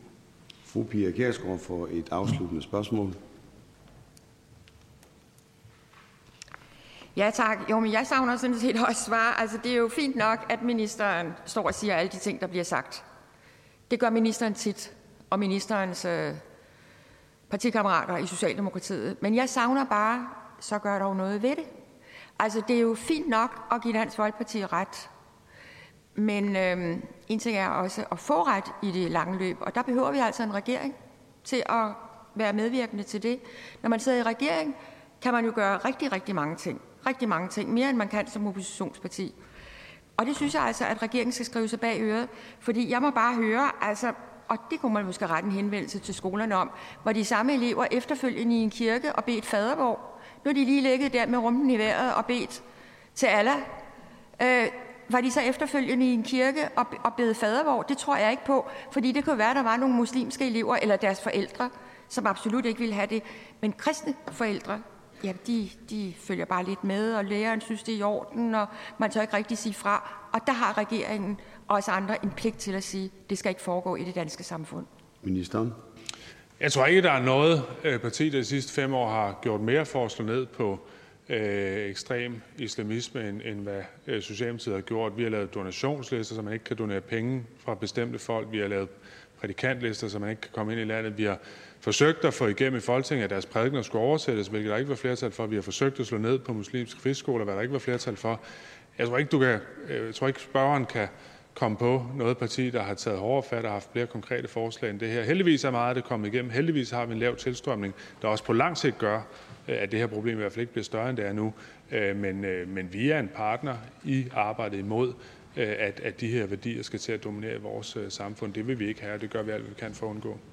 Og det afslutter spørgsmålet. Vi siger tak til udlænding- og integrationsministeren, tak til fru Pia Kjærsgaard og medspørger hr. Mikkel Bjørn, begge Dansk Folkeparti. Jeg byder nu velkommen til skatteministeren. Det næste spørgsmål bliver stillet af hr. Hans Christian Skibby, Danmarksdemokraterne. Værsgo. Ja, tak, herr formand. Jeg læser spørgsmålet op til skatteministeren. Hvad er ministerens holdning til den igangværende revision af EU's momsdirektiv, moms i den digitale tidsalder, der kan få den konsekvens, at danske udlejere af sommerhuse fremover skal opkræves 25 procent i moms på deres udlejning? Og kan ministeren garantere, at regeringen vil modarbejde, at udlejning af sommerhuse skal pålægges moms? Ministeren. Tak for spørgsmålet. Og jeg kan berolige spørgeren, øh, at jeg er faktisk helt overbevist om, at vi har fuldstændig ens øh, interesser i den her sag. EU-kommissionens forslag om moms i den digitale tidsalder indeholder flere forslag. Det gælder blandt andet ændrede momsregler for platformsøkonomi og korttidsudlejning af fast ejendom, herunder udlejning af feriehuse og lejligheder. Regeringen forholder sig overordnet kritisk til denne del af forslaget, som blandt andet vil indbære moms på hotellignende korttidsudlejninger af fast ejendom. Øh, det vil for eksempel være øh, sommerhusudlejning og udlejning af lejligheder. I dag er sommerhusudlejning i Danmark momsfortaget, da det ikke anses for at være en hotellignende ydelse. Det er et forslag, som regeringen er meget opmærksom på på grund af de danske interesser på sommerhusområdet, og regeringen ønsker bestemt ikke, at sommerhusudlejning bliver momspligtig.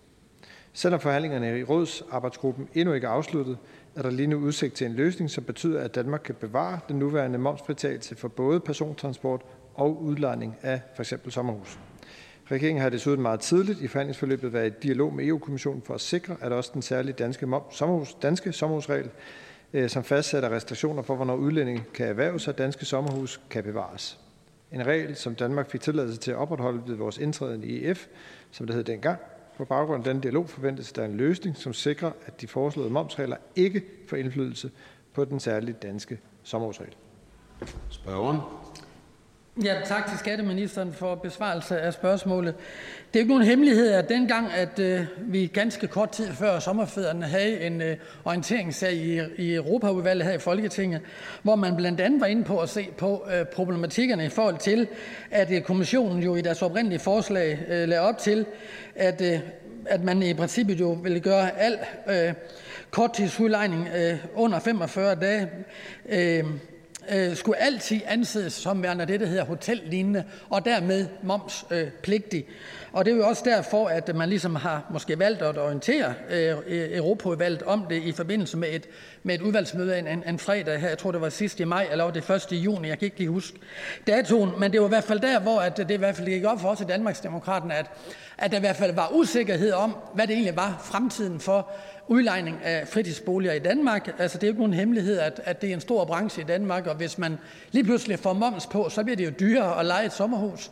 Eller også skal dem, der lejer dem, eller ejer dem i hvert fald til at se frem til mindre indtægter på deres udlejning. Og det er også derfor, jeg er interesseret i at vide, fordi ministeren har jo også blandt andet øh, på notat i forhold til øh, den øh, tur, der var til, med skatteudvalget til Bruxelles her den 12. 13. november jo, i en orientering jo sagt, at, at med den øh, kompromistekst, det er, så lægger man op til, at, øh, at, det er den enkelte land, der selv skal anse og vurdere, hvorvidt det er hotellignende eller ej, og man flytter grænsen fra de 45 dage ned til øh, de 30.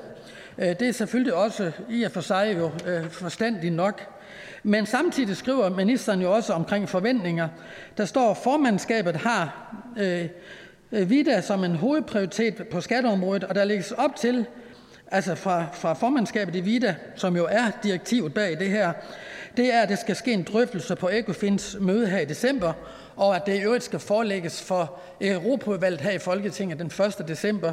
Der vil jeg klart spørge ministeren, om ministeren vil anmode om et øh, mandat via Europaudvalget. Ministeren.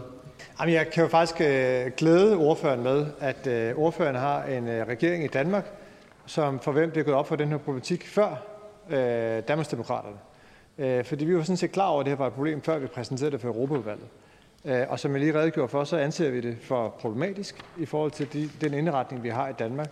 Og det er derfor, at regeringen arbejder for, at vi kan både bevare momsfritagelsen af sommerhusudlejning og den særlige danske sommerhusregel. Det burde jo sådan set være et glædeligt budskab til ordføreren. Øh, og, og jeg forventer da, at det er det, øh, det er det, vi når til. Øh, så skal det jo til afstemning, når vi når dertil, øh, og vi skal også orientere øh, Europaudvalget omkring det. Spørgeren?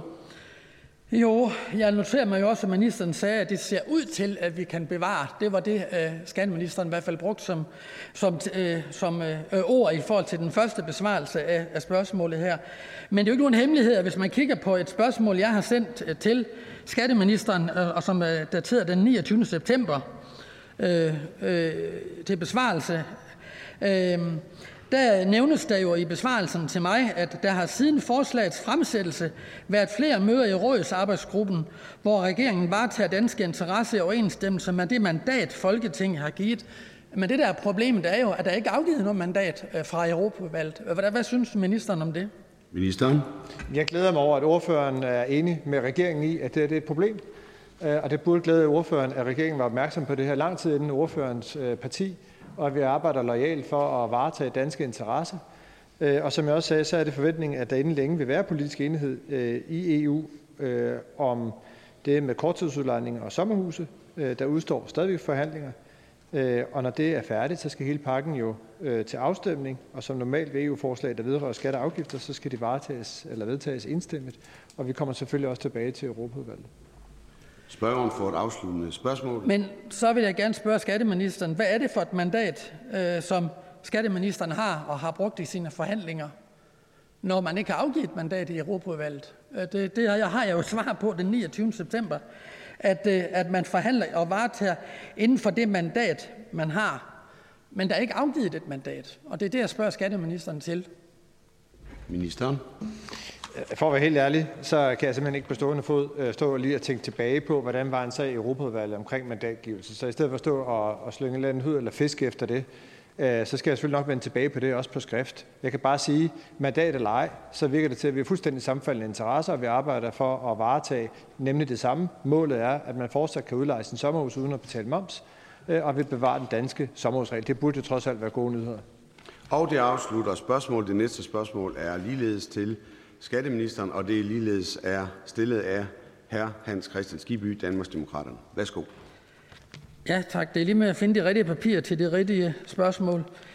Vi går videre med et andet spørgsmål til skatteministeren, og det er som følger. Hvad er ministerens holdning til de ændrede regler, som Tolvstyrelsen med kort varsel har indført i Københavns Frihavn? Med det resultat, at flere speditørvirksomheder må lukke. Herunder en virksomhed, der uden bemærkninger har drevet virksomhed i Frihavnen siden 1972. Og hvordan vil ministeren betegne processen fra Tolvstyrelsen, der er foretaget, en, der er foretaget uden en ordentlig inddragelse af de lokale virksomheder? Ministeren. Tak for spørgsmålet. En af Tolvstyrelsens hovedopgaver det er selvfølgelig at beskytte det danske samfund og danske borgere imod, at der kommer ulovlige og farlige varer ind i Danmark og i tolvunionen. Det kan fx være våben, narkotika eller andet af det, som vi ikke ønsker at få ind. For at kunne løse den samfundsopgave, så kræver det, at vi har en god og grundig tøjkontrol, som selvfølgelig hele tiden skal balanceres i forhold til hensynet til smidig handel. Området er reguleret af EU-regler, og i forhold til Københavns Frihavn har Tolstyrelsen oplyst mig om, at der ikke er tale om nye regler. Derimod drejer det sig om, at Tolstyrelsen nu bringer den eksisterende praksis i overensstemmelse med EU-lovgivningen og virksomhedernes tilladelser. tilladelser. Ændringen af praksis betyder, at virksomhederne skal kunne dokumentere, hvilke varer, der bevæger sig ud af frihavnen. Tolvstyrelsen har konstateret, at der i frihavnen har været tegn på, at varer ikke burde være ført ind i Danmark, og det er blevet det alligevel. Derfor er der behov for at sikre, at reglerne overholdes. Kravene til virksomhedens dokumentation stammer fra EU-regulering, og formålet med reglerne er at give tollerne mulighed for at føre tilsyn med de varer, der forlader frihavnen. Tolvstyrelsen oplyser, at der har været en god og konstruktiv dialog med danske speditører, som er den brancheforening, der repræsenterer virksomhederne i Københavns Frihavn. Dialogen har blandt andet ført til, at Tolvstyrelsen har øh, forlænget virksomhedernes frist for at efterleve den nye praksis med en måned, og at Tolvstyrelsen har fokus på kommunikation og vejledning til virksomhederne. Jeg har stor forståelse for, at virksomhederne i Københavns Frihavn har brug for en overgangsperiode, hvor de kan omstille sig til nye dokumentationskrav. Og jeg kan kun opfordre til, at virksomhederne fortsætter dialog med Tolvstyrelsen. Ja, jeg takker for ministerens besvarelse, men omvendt så oplever jeg ikke en helt stor anerkendelse af, at der faktisk er nogle udfordringer for de her anmeldte øh, virksomheder. Øh, blandt andet er den, jeg nævner til konkret, at det er jo Stabbrand Spedition, som jo har været placeret i Københavns Frihavn siden 1972. Det er en virksomhed, som driver lager, logistik og transport, og jeg har selv uddannet speditør, øh, så jeg ved jo godt, at, at øh, der skal kontrol til, øh, og det er derfor, man blandt andet har til to varer, man har til et varer, til et varer, det er jo transport ind og ud af EU, og til to varer, det er varer internt mellem EU-lande eksempelvis. Men der, hvor det er problemet, det er jo, at man jo ikke bare indfører Ministeren siger jo, at man indfører ikke en ny regel, nej, men man indfører i hvert fald en ny praksis. Og det er jo det, man gør med, altså i forhold til, til de her øh, bemeldte virksomheder med en to måneders varsel i de orienteringsskrivelser, som, som er tilgået dem. Og hvis man som speditør har lejet øh, bygninger eksempelvis på området siden 1972, man har udlejer, man har kunder, man skal ud og finde nye legemål, finde nye domiciler, øh, man skal også opsige det legemål, man har, og samtidig skal man overholde alle de øh, kontraktlige forpligtelser, man har med sine kunder. Det er der, hvor kæden jo fuldstændig hopper af, for det er der ikke ret mange speditionsvirksomheder, der kan. Og det, der lægges op til, øh, ministeren siger, en ny praksis, ja, det er jo faktisk en total dokumentationskontrol af de varer, øh, som de her pågældende virksomheder har i de her områder. Og når man så lægger en total kontrol ind, så betyder det jo også, at det vil øge arbejdsbyrden markant i tolvboden i København. Og der er ikke, så vidt jeg kan se, nogen steder øh, planer om at tilføre flere øh, mandskabstimer og ressourcer til, til det. Og det betyder jo, at når der kommer et større øh, efterspørgsel på at få sine varer ud og ind i forhold til kontrollen, ja, så vil det medføre øget ekspeditionstid, ventetid og dermed også flere udgifter for virksomhederne. Det er derfor, at man er presset, og det er jo ikke rimeligt, og det håber jeg, at skatteministeren er enig i, at to måneders varsel, det er alt, alt for lidt. Skatteministeren? Jamen, øh, altså, vi er jo langt nede i driften her, øh, men det er jo fair nok. Sådan er det også at være skatteminister. Øh, og jeg har selvfølgelig også spurgt, øh, hvordan har dialogen været, og det er også det, jeg refererer til her. Jeg har fået oplyst, at der faktisk har været en god dialog med danske speditører og med de berørte virksomheder, som jo blandt andet har medført, at man har forlænget fristen med yderligere en måned, netop for at tage hensyn til, at virksomhederne kan forholde sig til den nye praksis. Jeg er også glad for, at vi er enige om, at der skal være nogle regler, og jeg vil tro, at hvis der er risiko for, at der flyder ind med narkotika og våben, uden at der er en ordentlig kontrol af det, så har jeg nok også fået kritiske spørgsmål fra spørgeren øh, om, hvordan jeg vil sikre, at det ikke skete. Øh, så derfor så er vi jo nødt til at finde ud af, hvordan de her regler de håndhæves, og selvfølgelig med respekt for, at der skal være en overgangsordning. Spørgeren? Jeg synes, det er lidt for forladt. Altså, nu er jeg selv uddannet speditør, øh, og hvis en skatteminister ville gøre det til en diskussion omkring, øh, det flyder med narko og våben, Altså, det er nogle praksiser, der har været fysisk gennemført uden problemer og i god dialog mellem Toldstyrelsens medarbejdere, repræsentanter og de lokale virksomheder siden 1972, i hvert fald i det her konkrete tilfælde. Det har jo ikke noget med det andet at gøre, som ministeren er inde i. Der vil gerne have ministeren til at reflektere over, om man vidderligt mener, at tre måneder det er nok i forhold til, at virksomheder har en mulighed for reelt at gennemføre alle deres kontraktlige forpligtelser. For det mener vi sådan set ikke, de har. Ja, vi, vi er enige om, at der er et regelsæt, og at der så har været en praksis, hvor man ikke øh, til fulde har levet op til det regelsæt, der er. Derfor så ændrer man praksis, blandt andet fordi, at, som jeg refererede til, at Tolvstyrelsen har konstateret, at der i frihavn har været tegn på, at varer, der ikke burde være ført ind i Danmark, alligevel er ført ind. Så er det rigtigt, og det beklager jeg, hvis min blomstrende ordvalg her har været upassende, øh, fordi jeg ved faktisk faktuelt ikke, hvad det er for nogle varer. Så hvis vi ser bort fra det, så er der nogle regler, man skal leve op til. Der er en praksisændring her, der sikrer, at man lever op til de, til de regler.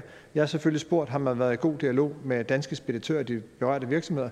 Det er den melding, jeg har fået. Så kan det være, at ordføreren har fået en anden melding. Øh, men det er jo derfor, jeg refererer til det i mit indlæg. Ja, så vil jeg i hvert fald anbefale øh, skatteministeren at rette henvendelse til danske speditører. De har faktisk en glimrende brancheforening, som varetager deres kunder. Og her er det, det er jo ikke bare, nu har jeg gjort ganske klart, jeg har nævnt et eksempel, men der er jo andre virksomheder, som har havnet nøjagtigt de samme muligheder eller frustrationer netop i forhold til, at de ikke har en jordisk chance for at overholde alle deres kontraktlige forpligtelser hverken over for deres øh, lejemål af, af, af domiciler, men heller ikke over for alle deres øh, kunder, som har øh, kontrakter for, for længerevarende perioder. Der er det altså ikke godt nok, at man nu lige pludselig kommer med de her tre måneder. Jeg synes jo, man som et minimum burde have 12 måneder Minister. til det. Ja, det er jo fair nok. Altså, jeg har spurgt, jeg har fået oplyst, at der har været en god dialog, at der har været en god kommunikation og vejledning. Jeg kan erfare, at, at ordføreren har fået oplyst noget andet. Øh, og, det er jo så der, vi står. Øh, det er selvfølgelig vigtigt for mig, at vi har et system og en forvaltning, som også er i tæt dialog med de brancheforeninger, de virksomheder, som ændring af praksis øh, betyder. Og, og den del hører jeg sådan set, vi er enige om. Og det afslutter spørgsmålet til skatteministeren. Det næste spørgsmål er til ministeren for Fødevare, Landbrug og Fiskeri, stillet af hr. Søren Ege Rasmussen, enhedslisten, som får ordet til oplæsning af spørgsmålet. Ja, det korte spørgsmål er: Hvad mener ministeren om, at bevillingen til henholdsvis det populære økologiske spisemærke og eksportindsatsen for økologi står til at stoppe den 1. december 2023, og mener ministeren, at det harmonerer med målsætningen i landbrugsaftalen af 4. oktober 2021 om at fordoble det økologiske areal, omsætningen og eksporten frem mod 2030, samt regeringsgrundlaget, hvor man i talesætter, at styrke økologien og fordoble det økologiske areal? Ministeren. Det er først og fremmest tak for spørgsmålet, og det er vigtigt for mig at sige, at øh, det er regeringens klare ambition at styrke økologien, som spiller en vigtig rolle i den grønne omstilling af landbruget, vores natur og klimaet. Derfor er der også afsat 3,5 milliarder til økologisk arealstøtte frem mod 2030. Der er afsat 675 millioner kroner til Fonden for øh, plantebaseret også frem mod 2030, hvor det er ambitionen, at halvdelen, mindst halvdelen af de midler skal øremærkes til plantebaseret økologiske fødevarer. Og hertil kommer også, at via Fonden for økologisk landbrug er der afsat 54 millioner kroner til omlægning af de professionelle køkkener i en økologisk retning. Med landbrugsaftalen så er det også blevet besluttet, at der skal udarbejdes en strategi for økologi til netop fordobling eller til understøttelse af fordoblingen af det økologiske areal, og det forventer jeg også, at der snart øh, kan være muligt at fremlægge en sådan strategi for landbrugsaftalekredsen, øh, forligskredsen, som også enhedslisten er en øh, væsentlig del af. Det økologiske spisemærke det er et initiativ, der over årene øh, primært har bidraget til offentlige køkkeners omlæggende økologi, og det skyldes øh, blandt andet, at øh, tanken de første mange år var, at det offentlige ligesom skulle gå forrest, og senere har der været fokus på den private sektor, det vil sige caféer og restauranter. Det er da også vurderingen, blandt andet på baggrund af et studie for Aarhus Universitet, at mærket i dag samlet set har en begrænset effekt på afsætning af økologiske varer i den private sektor. Det er dog ikke sådan, at restauranter og andre spisesteder ikke fortsat kan arbejde med at vise øh, eksempelvis en andel af økologiske varer, så længe man selvfølgelig lever op til den øh, dokumentation, der skal være. Og i forhold til eksportindsatsen, der har Folketingets partier gennem en række politiske aftaler givet ekstraordinære midlertidige bevillinger til eksportindsatsen herunder økologieksporten. Og fremadrettet der vil regeringen understøtte udviklingen af økologieksporten på lige fod med andre eksportsektorer. Spørgen? Ja, altså vi står der med det økologiske spisemærke, som er ret populært og en stor succes. Der er 3.000 professionelle køkkener, som har det økologiske spisemærke, og alene i år er der 180 nye køkkener, som har fået spisemærket, og der er 300 steder, hvor at man er rykket et niveau op i sit mærke. Vi er sikre på i enhedslisten, at spisemærkerne det skaber øget opmærksomhed på bæredygtighed i offentlige køkkener og private køkkener, og det er med til med det arbejde, der laves i køkkenet, og få flere øh, plantebaserede fødevarer på menuen og reducere madspildet og øge arbejdsglæden blandt øh, personalet. Det er sådan set det, som, som to undersøgelser fra DTU har, har lavet, at det sådan set er, er veldokumenteret, at det, at man har øh, det økologiske spisemærke, at det sådan set er en succes i Danmark. Og jeg synes faktisk, det er lidt specielt at, at stå her og spørge ind til det. I går fik jeg at vide, at i Tyskland, der er man ved at kopiere det danske spisemærke. Det er sådan set noget, man vil indføre næste år, fordi man har set, at det faktisk øh, har en effekt i Danmark. Så jeg undrer mig meget over, at der er lagt op til, at man ikke vil videreføre den støtte og den kontrol, der er omkring øh, det økologiske spisemærke. Og når man så samtidig ser, at, at den økologieksport, som, som vi har for Danmark, som er på over 3 milliarder, og hvor der i landbrugsaftalen står, at den skal fordobles, det er jo ikke noget, der sker af sig selv. Det, at der er nogen, der påtager sig en opgave og får støtte til at lave fremstød på, på fødevaremesser i udlandet, hvor vi godt ved, at for enkelte firma, der er det dyrt og besværligt at arrangere, men det har en, en stor positiv effekt, at der er nogen, der får støtte til at arrangere et fremstød, og at det kan være med til, at vi eksporterer meget. Så undrer jeg mig meget over, at regeringens tilgang er, at man ikke vil, vil videreføre de her to ordninger. Kan ministeren ikke se, at hvis ikke man understøtter den der eksport, så bliver den ikke bare fordoblet frem mod 2030. Ministeren? Det handler om for mig at se, at vi øh, også kigger på det her i en sammenhæng, og også hvad der virker øh, bedst. Øh, og som jeg nævnte i min indledning, så handler det også om, at øh, vi har vurderet, eller det vil sige Aarhus Universitet har vurderet, at effekten den er begrænset, øh, fordi at det netop retter sig mod øh, de private, Øh, hvoraf de offentlige vi stadigvæk kan stilles, altså det kan være statslige køkkener og kommunale, regionale, regionale, kan der jo stilles politiske krav om, at man skal have et vist antal. Men restauranter og andre spisesteder kan jo fortsat arbejde med de her ting, hvis man vel mærke ønsker det. Øh, det er der nogen, der gør, andre synes, at det ikke er en del af deres øh, profil, og det skal selvfølgelig være op til dem at vurdere det, inden for de dokumentationskrav, man selvfølgelig fortsat skal kunne leve op til. Spørgen?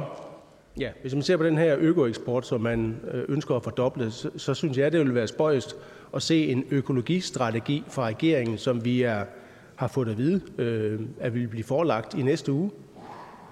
Hvis der der ligesom står beskrevet, at man vil gerne øh, fordoble økoeksporten, og så er der ikke noget, der ligesom kan understøtte det, at det bare udelukkende skal være op til enkelte firmaer at søge, det sker.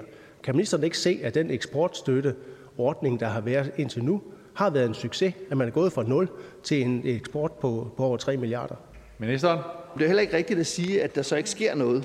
Altså, det har været en midlertidig ekstraordinær bevilling i forhold til eksportindsatsen, men der bliver fortsat vil være en eksportunderstøttelse, også hvad økologi øh, angår. Dertil kommer de her meget store beløb, altså 3,5 milliarder kroner til arealstøtte, også i forhold til øh, den plantebaserede fond, hvor vi også har det som hensigt, at mindst halvdelen af de midler, altså 675 millioner over de kommende år, skal gå til at fremme øh, økologi. Øh, og også i forhold til de midler, jeg tror, der var 54 millioner kroner, man afsætter til også at fortsætte arbejde med økologi i de offentlige køkkener. Så der er jo betydelige indsatser, der skal understøtte den strategi, som vi også kommer til at præsentere her om kort tid. Jamen, jeg anerkender, at vi i landbrugsaftalen har været med til at sikre, at der er afsat penge til, at det økologiske areal kan blive fordoblet. Men fra at man går fra et areal på 300.000 hektar til 600.000 hektar, og så lige, at det bare automatisk sker det, at man får fordoblet sin eksport af økologiske varer, der er altså ikke den automatik. Og det er jo derfor, at den her eksportstøtteindsats, som man i øjeblikket har en, en bevilling på 2 millioner til at understøtte, at det faktisk er utrolig vigtigt. Og kan ministeren ikke anerkende, at, at det faktisk er nogle gange vigtigt, at man understøtter eksportindsatser? Ministeren? Oh, absolut. Altså, det anerkender jeg fuldt ud, at eksportfremmeindsatser, de i generelt forstand er vigtige. Øh, men jeg tror nu ikke, det er det, det står og falder med, at den ekstraordinære bevilling, at den så i givet fald skulle fortsætte. Jeg tror, det handler lige så meget om, at vi også fortsat kan levere gode produkter, økologiske produkter med høj kvalitet og en dokumentation for, at det også foregår på den måde, som vi også beskriver det, når vi skal ud og sælge på eksportmarkederne, blandt andet. Og det er derfor, jeg prøver at understrege de her mange millioner og milliarder, der bliver afsat, blandt andet til arealstøtten, for simpelthen at fremme, at der rent faktisk sker det, som vi alle sammen ønsker, nemlig en fordobling af arealet på økologiske øh, arealer, med videre i forhold til omsætning i offentlige køkkener osv. Og det afslutter spørgsmålet. Næste spørgsmål er også til ministeren for Fødevare, Landbrug og Fiskeri, og er også stillet af hr. Søren Egge Rasmussen, Enhedslisten, som nu får ordet til oplæsning af spørgsmålet. Tak. Under henvisning til, at forskere fra Aarhus Universitet i marts 2023 øh, i en rapport bestilt af ministeriet konkluderede, at de dyrevelfærdsmæssige konsekvenser af brug af bovar til kvæg endnu ikke er tilstrækkeligt belyst, hvilket de den 11. november gentog i Information, mener ministeren så, at det er forenligt med landbrugsaftalen fra 2021, hvor der klart står, at dyrenes velfærd ikke må forringes som konsekvens af klimatiltag, når regeringen foreslår at indføre tilskud til brug af bovar for at nå klimamålet i 2025? Ministeren. Øh, tak også for det spørgsmål øh, til hr. Søren Egge Rasmus for os her at sætte øh, fokus på et vigtigt emne omkring dyrevelfærd i relation til netop metanreduceret foder. Det er vigtigt at sikre, at metanreduceret foder ikke forringer dyrenes velfærd, som det så også, som der bliver refereret til, fremgår af landbrugsaftalen. Dyrenes sundhed og trivsel det er vigtigt for os alle, og helt centralt selvfølgelig også for landmændene, der arbejder med dyrene. Øh, før nye fodertilsætningsstoffer kan anvendes i øh, EU og hermed også i Danmark, så skal de EU-godkendes efter en grundig risikovurdering foretaget af den europæiske fødevaresikkerhedsautoritet, kaldet EFSA, øh, med fokus på effektivitet, dyresundhed og fødevaresikkerhed. Når et metanreducerende foderstof, fodertilsætningsstof opnår EU-godkendelse, så er der en klar indikation af, at stoffet er blevet nøje vurderet og opfylder de høje standarder for dyresundhed, og fødevaresikkerhed, som EFSA fastlægger øh, herunder i EU-lovgivningen. Bovar, som det bliver henvist til, er et sådan øh, produkt. Det er således også blevet vurderet sikkert at anvende i EU, og produktet bliver som sagt også markedsført allerede i dag. Hvis dyrevelfærden påvirkes negativt af fodertilsætningsstoffer, så vil det også øh, blive ofte afspejle sig i dyresundheden, for eksempel ved en reduktion af foderoptaget og i forlængelse have en reduceret mælkeydelse. Det er vi i gang med øh, at få undersøgt under danske forhold og danske øh, foderrationer. Øh, vi vil naturligvis også fastsætte regler og dermed sørge for, at man ikke tilfører mere end, at det ikke kan få konsekvenser for foderoptaget. Så baseret på det foreliggende grundlag, så er det derfor forsvarligt at kunne anvende EU-godkendte fodertilsætningsstoffer, som eksempelvis bovar, til reduktion af køernes metanudledning, som en vigtig del også af landbrugets Øh, klimatilpasning, at vi sikrer, at metanudledningen den bliver mindsket, også fra kvægbrug. Så jeg kan forstå, at ministeren vil konkludere øh, på noget, som ikke er fuldt ud undersøgt endnu, som ministeren siger. Og det er jo lidt spøjs, at man har konklusionen på forhånd, bare fordi at det er godkendt i EU. Jeg synes ikke, at, at det her det er tilstrækkeligt godkendt. Og et af, hvad ligesom Bovar har negative øh, effekter på koens velvære. Og det er jo korrekt, når ministeren siger, at det kan være, at, øh, at konen kommer til at trives øh, mindre godt, og dermed kommer for, mister sin ædelyst, og dermed øh, går mælkeydelsen ned. Og så tror jeg ikke, at landmændene vil, vil indføre det her. Et er ligesom, hvad man tilsætter til fodret. En anden ting er jo, at øh, det her det kan jo komme til at fremme, at flere køer er i stald, frem for at de kommer ud på græs. Og det er jo også noget, der kan forringe dyrevelfærden. Så der er jo sådan set en indirekte effekt af det her, hvis det er sådan, at en landmand synes, at det er økonomisk attraktivt at bruge på varer i sin øh, besætning, fordi så kan han få et eller andet tilskud, og så kan han blive præmieret for en, en CO2-effekt, men så betyder det, at han vælger at holde sin køer på græs året rundt. Det har en negativ øh, dyrevelfærdskonsekvens, øh, og det synes jeg, at det skal tages med i billedet, og man ikke kun skal se på, hvad det er, sådan at man finder ud af inde på et universitet og i nogle forsøg. Jeg synes, at det, det er væsentligt at gå en anden vej. Og jeg synes, det er interessant, at man i Holland har lavet øh, øh, forsøg, hvor man har registreret, at øh, køer på græs sådan set kan have en positiv øh, metaneffekt, øh, og at man i Sverige sådan set har fulgt op på de hollandske eksempler og kommet frem til, at der er en, øh, en reduceret metanudledning, og der skynder man til at være 20-30 procent, ved at køer øh, er på græs og spiser græs. Kan ministeren ikke se, at der er andre veje at gå end den her kemiske med Bovar, at man i stedet for kunne vælge at have flere husdyr på græs, og at man dermed opnår flere positive effekter? Ministeren? Jeg synes, det er væsentligt at tage alle aspekter med, og det er jeg sådan set fuldstændig enig med hr. Ikke Rasmussen i. Øh, konkret i forhold til øh, det pågældende øh, fodertilsætningsstof eller andre, som kan måtte komme på markedet, så vil jeg bare svare på spørgsmålet i den retning og sige, at der skal vi selvfølgelig være sikre på, at det har øh, de effekter i forhold til metanudslip, men også at der ikke er en bieffekt i forhold til en forringet dyrevelfærd. Det, det tror jeg giver øh, god mening, og det er også derfor, vi netop har bestilt øh, en, øh, en effekt, øh, et forsøg, kan man sige, med Bovar, som Aarhus Universitet er i gang med at kigge på, med forventet afrapportering i de, i det kommende år. Simpel- Ja, jeg synes jo, det er endnu mere interessant, at man også har bestilt øh, hvad skal man sige, øh, en opsamling af, øh, hvad det ville betyde, hvis man havde kvæg på græs i, i Danmark i stedet for. Nu er der indimellem en, et øget fokus på, på biodiversitet og naturkvaliteter, og øh, jeg kunne godt tænke mig at høre, om ministeren ikke her kan se, at, at det faktisk kan være nogle ekstra plusser ved, at vi får flere husdyr ud på græs og får lavet noget naturpleje, og at vi dermed opnår en, øh, en, en metalreduktion, i stedet for at man udelukkende har fokus på, hvad man kan opnå inde i stallen. Jamen, som jeg sagde før, jeg synes, det er relevant at kigge på de her ting i sin sammenhæng. Altså, der er elementer, hvor man kan sige, at du kan opnå en klimaeffekt jeg forholder mig selvfølgelig til de resultater, som der kommer, blandt andet erfaringer fra udlandet, men også det, som vi selv, det vil sige Aarhus Universitet, vurderer i en dansk kontekst, hvad er det for nogle effekter på klimaet, det kan give, men selvfølgelig også i forhold til de dyrevelfærdsmæssige aspekter, som der skal være styr på. Og det er også derfor, jeg netop øh, forudser, at den her rapport den også får en betydning for, hvordan vi kan håndtere, og dermed også fra Danmarks side, give mulighed for, at man også skal indføre eksempelvis på varer som en del af fodertilsætningen til danske kvæg. Spørgeren?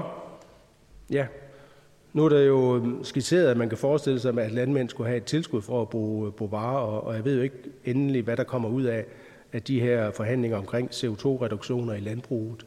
Men kan, kan ministeren forestille sig, at man på, på, på lige fod gav et tilskud for, at øh, til de landmænd, som rent faktisk har deres øh, kvæg på, på græs, og dermed opnår en, en metanreduktion øh, via den fodring, som de på naturlig vis har, i forhold til, at man, man udelukkende har fokus på, hvad kan man opnå teknisk? Ministeren? Det kræver i hvert fald, at vi så ved, hvad det er for nogle effekter, det i givet fald måtte have. Øh, så det synes jeg, det er ligesom forudsætningen for, at man kan arbejde videre ned i det spor. Fordi for mig at se, er det vigtigste, øh, at vi får de effekter frem i forhold til vores klima, som vi også har aftalt i vores øh, landbrugsaftale, og vi får dem selvfølgelig både økonomisk effektivt, men også med et dyrevelfærdsmæssigt sigte, og det er det øh, spændingsfelt, at jeg forventer, at vi også kan øh, få nogle gode resultater frem, men selvfølgelig baseret på de erfaringer og også de analyser, som øh, kan man sige, blandt andet Aarhus Universitet og udenlandske erfaringer, de kan give os i den sammenhæng. Og det afslutter spørgsmålet. Tak til ministeren for Fødevare, Landbrug og Fiskeri, og tak til hr. Søren Rasmussen, Enhedslisten. Det næste spørgsmål er til transportministeren, stillet af hr. Kenneth Fredslund Petersen, Danmarksdemokraterne, som får ordet til oplæsning af spørgsmålet.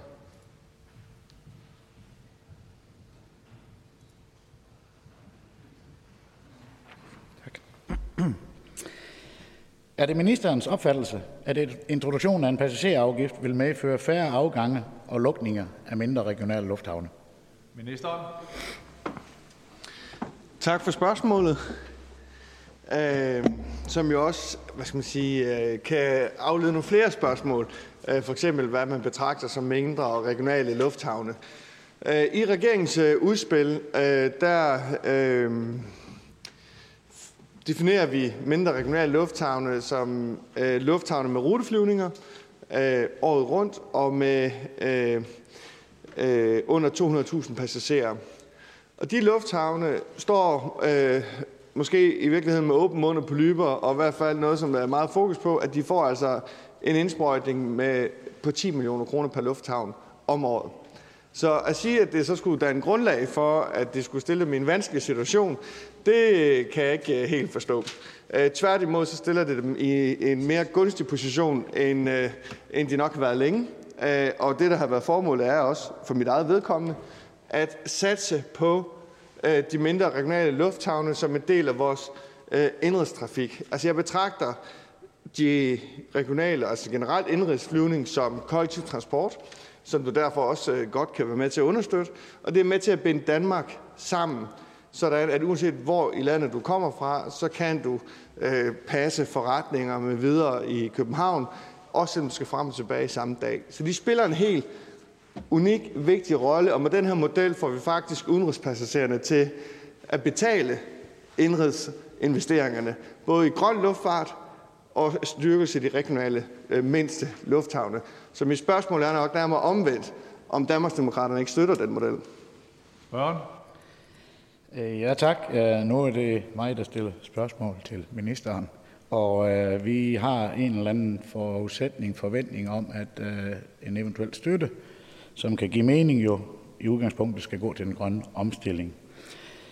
Er ministeren til gengæld åben over for at finansiere etablering af en grøn indrigsrute fra 2025 via midler der, øh, fra det opjusterede økonomiske råderum, og dermed undgå introduktionen af en passagerafgift på flyrejser, der risikerer at medføre markant negative konsekvenser, særligt for indrigsrejser og de mindre lufthavne. Ministeren. Men jeg lige redegør for, at det ikke får konsekvenser for de mindre lufthavne. Tværtimod er det jo en, en åbenlyst satsning på de mindste lufthavne. Og det undrer mig over, at Danmarksdemokraterne kun er optaget af den grønne omstilling. Fordi den grønne omstilling, det er bare vigtigt med den, at den også går hånd i hånd med et Danmark i balance. Det hjælper ikke at have en politik, hvor man siger, at vi skal bulle på med en grønne omstilling, som så har den konsekvens, at man for eksempel ikke vil kunne have indrigsflyvninger i Danmark. Derfor satser vi massivt på de små, mindste regionale lufthavne og den grønne omstilling hånd i hånd, og det synes jeg faktisk, Danmarksdemokraterne skulle bakke op om. Spørgen. Danmarksdemokraterne bakker også op om, at vi skal sikre øh, de mindre lufthavne gode muligheder. Øh, udgangspunktet er, at der introduceres en passagerafgift med henblik på at øh, øh fremskynde den grønne omstilling, og at vi sådan set også har en forventning om, det er det, midlerne skal gå tilbage til. Kan ministeren derudover oplyse konsekvenserne ved introduktionen af en passagerafgift på 60 kroner per indrigsrejse vil have antallet for arbejdspladser på landets mindre lufthavne? Og det kommer sandsynligvis øh, det, det samme svar som før, øh, men vi tror faktisk på, at det kan have konsekvenser. Minister. Jamen det vi vil med det her er dels at sikre den grønne omstilling, dels en styrkelse af de mindste regionale lufthavne, og dels en finansiering af ældrechecken. Altså den forhøjede ældrecheck. Danmarksdemokraterne snakker måske om alle tre dele, men der er jo ikke nogen finansiering i Danmarksdemokraternes finanslovsforslag, og det er jo derfor, det bare bliver ved snak. Og det er derfor, jeg håber, at Danmarksdemokraterne vil melde sig ind i kampen for rent faktisk at gøre en reel forskel. For hvis man kærer som de mindste lufthavne, så bliver man også nødt til at finansiere det. Og det er det, vi gør med den her model. Så, så, så jeg, altså de mindste lufthavne, jeg har været talt med, det er faktisk alle dem, der får støtte her. De går med hænderne over hovedet og klapper. Børn. Vi øh, kærer os faktisk om alle tre dele. Vi har et stort problem i forhold til krydset med øh, øh udvalgte øh, dele af befolkningen eller erhvervslivet skal finansiere, alene skal stå og finansiere ældresjekken. Den øh, så vi faktisk langt hellere, den øh, ville komme, man kunne finde via det opjusterede råderum. Og desuden så er vi, øh, har vi det meget svært med, med at skal bruge pisk frem for gulerød, og afgifter er jo efterhånden blevet et modefænomen. Så vi er, vi er helt generelt meget imod afgifter, hvis ikke uh, det giver mening i forhold til uh, det, der er tanken med det. Ministeren? Det er fint, at I er ked af det her kryds, men I har jo ikke foreslået noget alternativt. I har ikke finansieret andet alternativ i jeres egen udspil. Og hvis man er ked af pisken, ja, så er det jo altså det, som ordføreren kalder en pisk, at vi lader udenrigspassagererne betale for en markant styrkelse af indrigspassagerernes muligheder for at flyve grønt og et mere sammenhængende Danmark, hvor Danmark kommer i mere balance med en massiv styrkelse af de mindste regionale lufthavne, hvor det tager allerlængst tid at komme til hovedstaden. Altså, jeg, jeg, jeg forstår ingenting af det. Derfor er jeg helt paf over, at ordføreren øh, kritiserer det, det her, uden selv at foreslå noget. Så er det godt, at vi afslutter spørgsmålet. Tak til uh, transportministeren, og tak til hr. Kenneth Fredslund Petersen, Danmarksdemokraterne.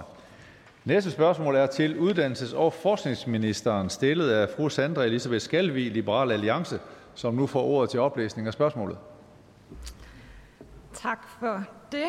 Øh, spørgsmålet lyder: Mener ministeren, at det er rimeligt, at vi giver verdens højeste SU til studerende på lange videregående uddannelser, når de samtidig står til at få en disponibel livsindkomst på 27,4 millioner kroner, mens en ufaglært kun står til at få en disponibel indkomst på 13 millioner kroner? Ministeren? Tak for spørgsmålet. Man kan sige, at det helt sådan korte svar er, at øh, ja, det mener jeg er rimeligt, og det mener regeringen er rimeligt. Vi ønsker at fastholde, at studerende på alle videregående uddannelser kan, skal kunne få et SU-stipendie i fremtiden. Det lidt længere svar, det ligger i de spor for SU-systemet, som regeringen har lagt i regeringsgrundlaget, og som jo i sig selv er et udtryk for, at regeringen jo heller ikke lider af reformangst, når det kommer øh, til SU-systemet. Vi ønsker et fornuftigt og et rimeligt SU-system, hvor unge kan få økonomisk støtte til studierne, og hvor unge understøttes i at gennemføre deres uddannelse og blive en del af arbejdsstyrken. Et SU-system, hvor SU og uddannelseslængde følges ad, men hvor der stadig er plads til øh, studerende med brug for særlig støtte. Så er det rigtigt, at i Danmark der får unge en ganske pænt uddannelsesstipendie. Vi skæler ikke til den enkelte unges økonomiske baggrund, når man starter på en uddannelse. Vi skæler så heller ikke til det forventede indtægtsniveau, når man gennemfører uddannelsen og træder ind på arbejdsmarkedet. Og den altså helt grundlæggende præmis øh, ønsker regeringen ikke at lave om på. Spørgen? Tak for svar, og øh, tak for ikke at være angst, når det kommer til reformarbejde, også på SU-området. Øh, Ifølge nye beregninger øh, fra Dansk Erhverv, så vil en omlægning af SU på kandidatuddannelserne til lån blot udgøre ca. 5 promille af en akademikers livsindkomst. Er ministeren ikke enig i, at det er svært at blive ved med at retfærdiggøre, at den ufaglærte skal betale skat, der går direkte til SU til studerende på kandidatuddannelserne, når akademikere er nogle af dem, der har de bedste forudsætninger til at tilbagebetale et SU-lån? Ministeren? Så der er mange balancer i den her. Man kan sige, hmm, nej, det mener jeg grundlæggende ikke. Øh, og det er jo rigtigt, at der er en, en disponibel livsindkomst for højtuddannede grupper, som er højere end for andre grupper. Problemet er jo bare, at det er sådan et helt lavpraktisk problem, at når man er 22 år og studerende og skal økonomien til at hænge sammen, så kan man altså ikke bruge de penge, som man forventeligt kommer til at tjene øh, en gang, når man er øh, langt ude i 40'erne. Spørgen? Tak for svaret på det spørgsmål. Hvis vi går tilbage til dengang man indførte SU'en, så blev det jo indført for at sikre, at alle, uanset økonomisk baggrund, havde lige muligheder for at tage en uddannelse i Danmark. Det vil sige social mobilitet og frie lige muligheder er uddannelsesstøttens eksistensgrundlag. Ifølge de økonomiske råd, så vil en omlægning af SU på kandidatuddannelserne til rentefrie lån ikke have de store konsekvenser på den sociale mobilitet. Så mener ministeren, at der i fremtiden fortsat er et eksistensgrundlag for SU på landets kandidatuddannelser? Ministeren? Men det er derfor, at der er forskel på økonomi og politik. Øh, selvfølgelig skal man føre en politik, som er økonomisk fornuftig. Men nogle gange så står man også på en politik, bare fordi man mener, det er rigtigt. Og jeg mener, det er rigtigt, og det gør regeringen, øh, at man som studerende har adgang til stipendie hver dag i en studietid, som en studie er normeret til. Vi mener så øh, ikke, at man behøver at skulle have SU ud over det, som en studie er normeret tid, og det er jo blandt andet den øh, reform, som vi, som vi lægger op til, som jeg i øvrigt ser frem til at diskutere med, med Liberal Alliance om. Spørgen? Tak. Vi ser også frem til de kommende forhandlinger omkring SU. Altså man kan sige, når vi står her og diskuterer øh, reformering af SU'en, så er de studerende oftest ikke særlig lykkelige. Men mener ministeren, at det er et udtryk for en forkælet tilgang, når de studerende brokker sig over SU-beløbet? Ministeren?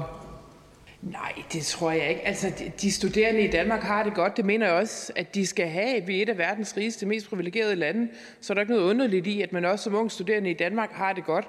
Øh, det mener jeg sådan set ikke er hverken øh, forkælet eller overprivilegeret. Men det er klart, at der skal også være en balance og en rimelighed øh, i det, og derfor lægger vi også op til at reformere i, i SU-systemet. Jeg synes ikke, at vi har en forkælet ungdomsgeneration. Jeg synes, vi har en, måske tværtimod, en historisk ansvarsbevidst ungdomsgeneration. Og det afslutter spørgsmålet. Tak til uddannelses- og forskningsministeren, og tak til fru Sandra Elisabeth Skalvig, Liberal Alliance. Næste spørgsmål er til ældreministeren, stillet af fru Marlene Harpsø, Danmarksdemokraterne, som får ordet til oplæsning af spørgsmålet. Mange tak. Og spørgsmålet lyder som følger.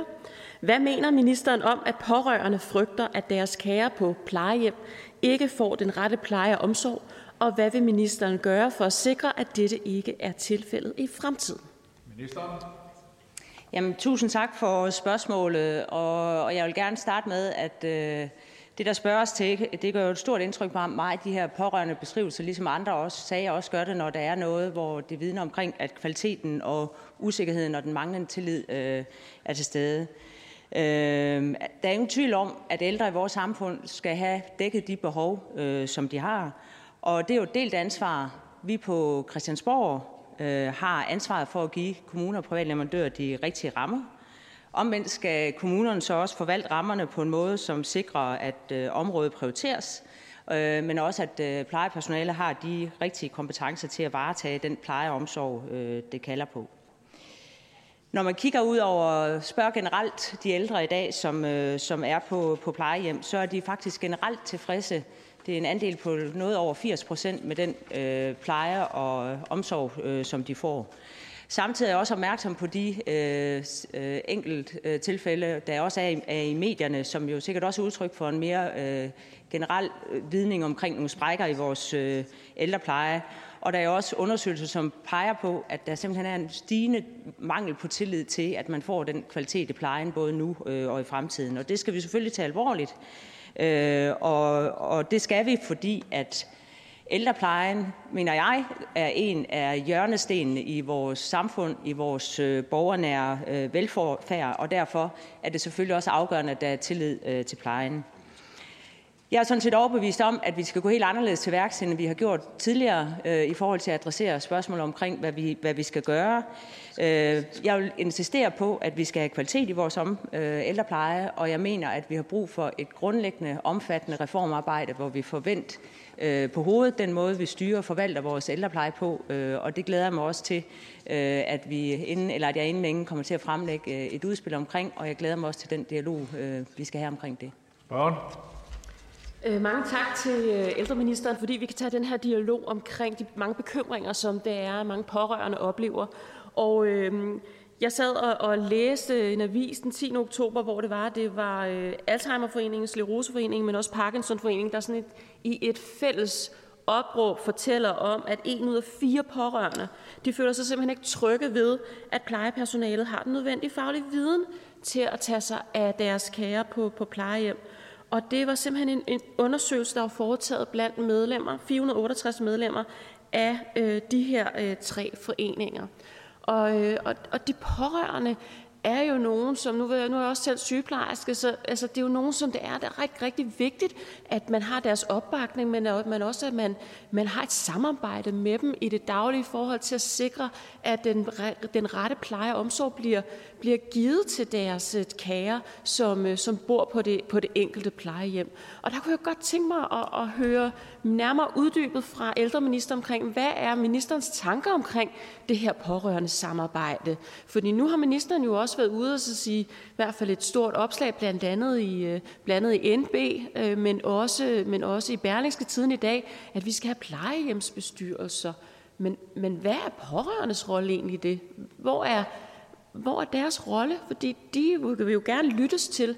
Og her er der jo et helt konkret opråb fra, fra medlemmer, øh, som også er pårørende til mennesker, som bor på plejehjem, som siger, at kvaliteten er ikke god nok i dag, øh, og vi har en stærk bekymring, og det skal man jo også lytte til. Så det vil jeg meget gerne høre, høre nærmere om fra ministeren. Hvad er ministerens tanker omkring de pårørende i forhold til fremtidens ældrepleje? Ministeren? Jamen, øh, tak for spørgsmålet, og, og egentlig også tak for, for hele den udlægning omkring, øh, hvad jeg også hører som, som kvalitet i, i ældreplejen. Fordi der er jo ingen mennesker, som er, er bare fritsvævende enkelte individer i, øh, i vores samfund. Øh, den ældrepleje, vi kommer til at tilrettelægge, og som jeg glæder mig til at lave et udspil omkring, kommer til at sætte den ældres selvbestemmelse, nærvær og omsorg øh, i centrum. Men de pårørende og andre fællesskaber for den sags skyld omkring øh, den ældre blev jo utrolig, utrolig vigtige i forhold til dialogen. Øh, blot for at sige, jeg synes nogle gange hører man nogen, nogen, nogen omkring, at jamen, det er også vanskeligt med pårørende samarbejde osv. Jeg synes, vi skal se pårørende som en gave. Det er typisk en, en kilde til stor viden omkring øh, de ældre, og dem skal vi sikre øh, er, er en væsentlig del af dialogen i det omfang, den ældre også ønsker det. Og det har ministeren jo helt ret i. Pårørende, de er en gave i forhold til at sikre værdig pleje og omsorg, i hvert fald i forhold til at, de skal jo ikke, det er jo ikke dem, der skal overtage arbejdet, men det er dem, der skal sikre, at de, for, de fortæller, den, den giver den rigtige viden omkring, hvordan at, at den, enkelte, øh, den enkelte godt kan lide at, øh, at modtage pleje og omsorg. Men altså, nu er der også for eksempel en, unders- en undersøgelse, der viser også, at knap 30 procent af de pårørende, der oplever i mindre grad eller slet ikke, at plejepersonalet har viden om deres nærtstående sygdom. Ministeren? Er det ikke, er det ikke for roligt? Ministeren? Jo, jeg tror, øh, når man skal have god ældrepleje, så kommer vi ikke udenom, at vi skal have kompetente og dygtige medarbejdere omkring øh, de ældre. For jeg tror på grundlæggende, at det er vanskeligt at lave god ældrepleje, hvis man ikke har kompetente faglige medarbejdere omkring. Øh, der er rigtig mange dygtige faglige medarbejdere derude i dag, øh, men vi skal sikre, at alle også har de kompetencer, og det bliver faktisk endnu mere vigtigt med den øh, reform af ældreområdet, som vi kommer til at gøre fremover, hvor de faglige øh, kompetencer, det faglige skøn, Øh, beslutningskompetencen ude hos de ældre får, får langt, langt større betydning. Så jeg er meget enig, at kompetencer er afgørende. Men der er helt sikkert noget her, som, som, øh, som ikke er i top derude i forhold til samarbejdet med pårørende, fordi ellers så var det her jo, jo tal meget lavere. Øh, og derfor så vil jeg bare gerne høre, om ministeren kan være mere konkret i forhold til, hvad, hvad vil ministeren konkret gøre for at sikre, at der er et bedre pårørende samarbejde, så vi ikke oplever, at der er 30 procent af de pårørende, der, der i mindre grad eller slet ikke oplever, at plejepersonalet har viden om deres nærtstående sygdom. Ministeren? Jeg tror i virkeligheden, som ældreplejen er styret og forvaltet på i dag, så gemmer der sig en masse kompetence, fordi det er jo sådan derude i dag, at når man som medarbejder i ældreplejen, så får man øh, nogle rammer, nogle minutter og sekunder fra en visitator, der sidder centralt fra, som er det, der udstykker den øh, opgave, man har hos den ældre. Det betyder, at dialogen ikke er i centrum med den ældre, med pårørende, og derfor mener jeg, at vi skal vende det hele på hovedet, og det er også det, vi kommer til at lave i udspillet til, til en ældrereform, at vi simpelthen får dialogen det relationelle arbejde i centrum, og det er jo både til den ældre, men i høj grad øh, også øh, til de pårørende. Ja, det afslutter spørgsmålet. Tak til ældreministeren, og tak til fru Marlene Harpsø, Danmarksdemokraterne. Det næste spørgsmål er til klima-, energi- og forsyningsministeren, er stillet af hr. Kenneth Fredslund Petersen, Danmarksdemokraterne, som nu får ordet til oplæsning af spørgsmålet. Tak, formand. Ja, Ja, tak. Oplæsning af spørgsmålet. Hvad vil ministeren gøre for at imødekomme eller sikre øh, etableringen af fjernvarme hos ansøgningsområderne i fjernvarmepuljen, der har fået afslag på grund af overansøgning? Ministeren? Ja, tak for spørgsmålet. Jeg er meget optaget af en effektiv udfasning af olie og gas i husholdningernes opvarmning, og jeg skal være den første til at anerkende den store indsats, der er gang i hele landet for at rulle fjernvarme ud, herunder den indsats, der gøres i kommunerne. Fjernvarmepuljen lukkede ganske rigtigt den 10. november 23 for ansøgninger for året, og alle ansøgninger var færdigbehandlet 14. november. I 2023 var der i alt afsat 380,8 millioner kroner i fjernvarmepuljen. Der er givet støtte til 59 projekter med i alt 20.409 øh, øh, konverteringer. Udrulningen er godt i gang. Ansøgere, som har fået afslag fra puljen i 23, kan overveje, om de har mulighed for at ændre i projektet og udarbejde et nyt projektforslag, der kan realiseres uden støtte. Fjernvarmepuljen blev senest forhøjet i starten af året med tillægsaftale til aftale om inflationshjælp og sidste år med aftale om vinterhjælp. Puljens midler øh, for 23 blev der ikke forhøjet med finanslovsaftalen 2023, hvor Danmarksdemokraterne var med i aftalen. Det er samtidig vigtigt at kigge bredere end udelukkende øh, de statslige støttekroner, når vi taler om, hvordan vi bedst muligt støtter borgerne i at få skiftet naturgasfyret ud. Vi skal huske, at der ud over fjernvarme også er noget, der hedder varmepumper, og i mange dele af landet der vil det være den økonomisk mest attraktive måde at få varme sit hus op på for varmekunderne. Det handler jo om at sikre, at folk vælger den billigste grønne løsning, og der er andet i verden end fjernvarme. I finanslovsforslaget har regeringen afsat øh, 240 millioner kroner i perioden 24 til 26 til afkoblingsordningen. Den pulje kan også søges af fjernvarmekunderne. Den dækker omkostningen ved at få afkoblet naturgasfyret. I alt har vi i vores samfund prioriteret øh, 4,9 milliarder kroner til varmeprojekter i perioden 2020 til 26. 1,2 milliarder har været afsat til fjernvarmepuljen i perioden 21 til 23. Hvis finanslovsforhandlingerne, som er i gang, resulterer i, at der afsættes midler til fjernvarmepuljen i 24, vil ansøgere, som fik afslag i 23, kunne ansøge puljen igen på lige fod med andre potentielle ansøgere. På den måde sikrer vi ligebehandling af alle ansøgere. Tak. Tak for ministerens svar. Jeg blev for noget tid siden kontaktet af borgere fra Vejle Kommune, Bjarne og Jørgen, der har ventet i fem måneder øh, på svar fra puljen. De fandt først ud af, at de havde fået afslag, da de tog til Dansk Fjernvarmes landsmøde. Deres begrundelse for afslag var, at puljen var tom. Nu skal de så sende en ny ansøgning af sted, der først skal godkendes hos kommunen, og kan så forvente, at sagen trækker 5-8 måneder længere ud i fremtiden. Anerkender ministeren ikke, at det enten skal flere penge i puljen, og det kan jeg høre, der er lagt op til, og det bakker vi jo også op om. Øh, anerkender ministeren ikke, at det enten skal flere penge i puljen, eller at puljen i sig selv kan være et problem, der hæmmer den grønne omstilling? Ministeren? Øh, jo, der er altid en risiko for, når vi i Folketinget beslutter puljer, at det kan medføre et øh, stop-go. Det gælder både for fjernvarmeprojekter, det gælder også for, for de individuelle varmepumper, så vi skal ikke bilde os selv ind, at puljer kun er noget af det gode. Øhm, og så vil jeg bare øh, også bekræfte og opfordre Danmarksdemokraterne til, at så frem man i finanslovsforhandlingerne har et ønske fra, dit parti, fra deres parti om at prioritere fjernvarmepuljen, så er det nu, at det skal meldes ind, for det er jo nu, at det bliver forhandlet. Vi er absolut ops på det, og vi er også en del af, af finanslovsforhandlingerne. Jeg står her med en oversigt over de projekter, der blev godkendt, har fået afslag på mile i år. På skema kan man se, at nogle projekter har fået helt op imod 66 millioner bevilget. Det vi ser som et problem, det er, at hvis de første seks, der får søgt ind, de tømmer hele puljen, så er der et åbenlyst problem for de næste øh, 53. Det, er, det mener vi altså, det er et lotteri, øh, hvor, hvor det ganske enkelt drejer sig om at være hurtigst. Og vi har jo en reelt problem og et opgave i forhold til den grønne omstilling. Ministeren? Ja, så lytter jeg gerne til, hvis Danmarksdemokraterne har andre øh, metoder til at prioritere. Det fungerer på den måde, at hvis man vil ansøge en pulje, så skal man sende en ansøgning, og de bliver sagsbehandlet i den takt, som de bliver sendt ind. Så jeg kan da kun opfordre til, så frem der findes penge på finansloven til 24, at de kommuner, der har en interesse i at søge, at de ansøger meget hurtigt. Spørgen? Ja, ja, og jeg, som jeg kan høre, så tror jeg, at vi begge kan blive enige om, at der er nogle helt centrale problemer med de her puljer. Men det er ikke sagt, at ideen med puljen den er super god. Det er vi enige om. Bare til sidst, kan ministeren blive lidt mere specifik omkring, hvad han konkret har forestillet sig, der kunne være en fremtidig løsning på puljens problemer? Bare så jeg kan give et ordentligt svar videre, som for eksempel til Bjarne og Jørgen her fortjener. Ministeren? Først er det vigtigt at huske på, at det aldrig har været en forudsætning, at vi ville støtte alle fjernvarmeprojekter til evig tid fremover. Så det folk skal gøre derude, jeg kun kan opfordre til, det er at huske hele tiden, der er to alternativer.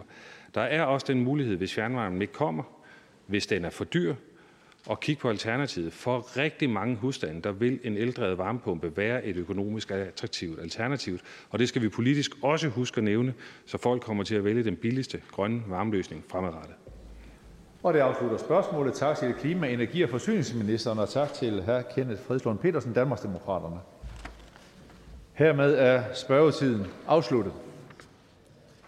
Det sidste punkt på dagens dagsorden er første behandling af lovforslag nummer L 81, forslag til lov om CO2-kvoter af, af e-, klima-, energi- og forsyningsministeren. Forhandlingen er åbnet. Første ordfører er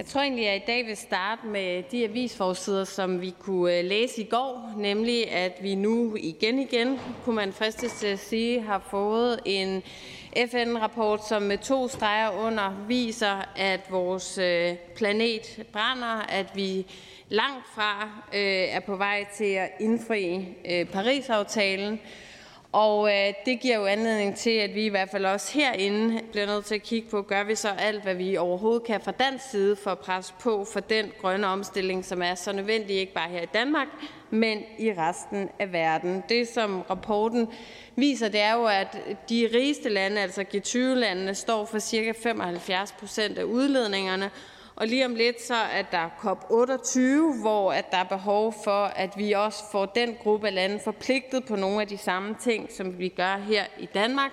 Der bliver Global øh, Stocktake. Og grund til, at jeg siger alt det her som indledning, det er fordi, det er meget godt nogle gange også med tekniske lovforslag at blive mindet om, hvad er det egentlig, som det her det handler om. Og det lovforslag, vi skal behandle i dag, er jo et af de eksempler på, at vi fra dansk side øh, presser på for ambitiøs klimahandling, ikke bare i Danmark, men i hele EU. Så øh, med den mest grønne øh, kommission øh, og også med øh, et dansk pres, ja, der har vi fået vedtaget den her Fit for 55-pakke, som vel er det største enkeltstående grønne initiativ i kommissionen igennem øh, mange, mange år, som påvirker rigtig mange ting, og en af de ting behandler vi så i dag, og det handler om øh, de her CO2-kvoter. Øh, og det vil sige, at vi øh, øh, sikrer med lovforslaget, at endnu en sektor bliver omfattet, nemlig øh, færge transporten, som også udleder øh, også globalt, og noget af det, vi har haft svært ved tidligere, har været at få fat på også de her internationale ruter. Altså, hvad kan vi gøre der? Vi er i gang med at kigge på brændstofdelen, men det her handler jo så om øh, CO2-kvotebetalingen.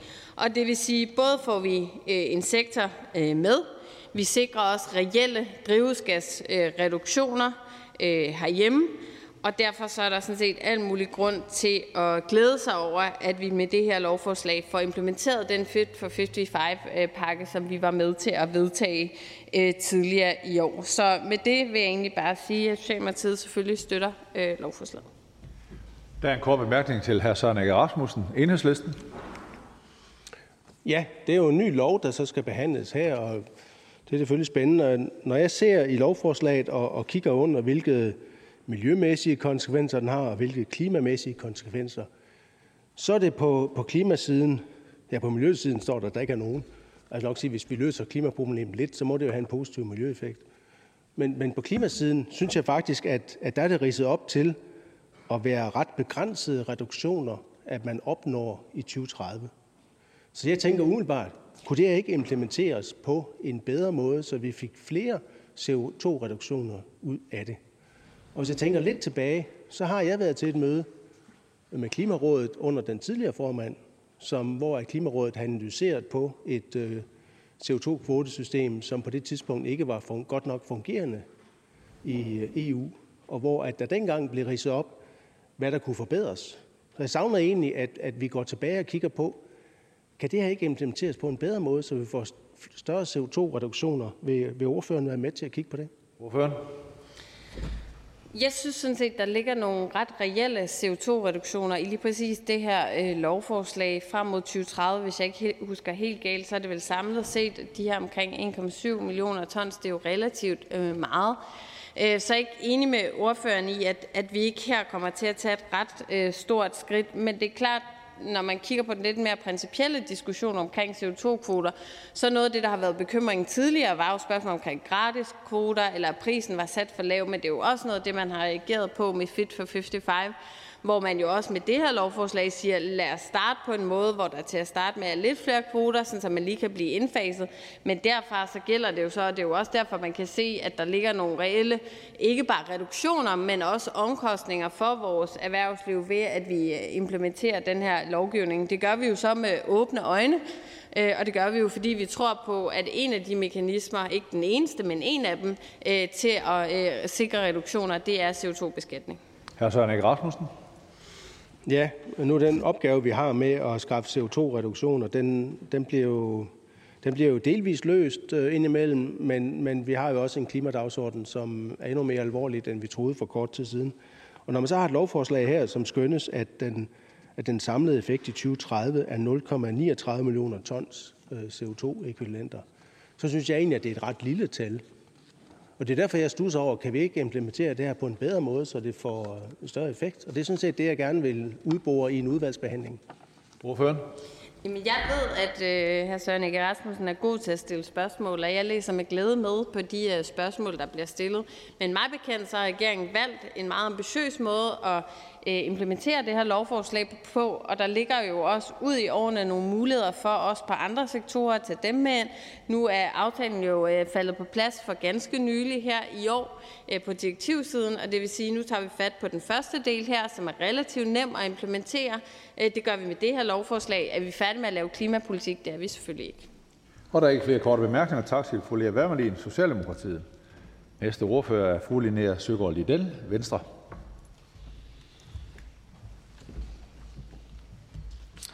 Tak for ordet.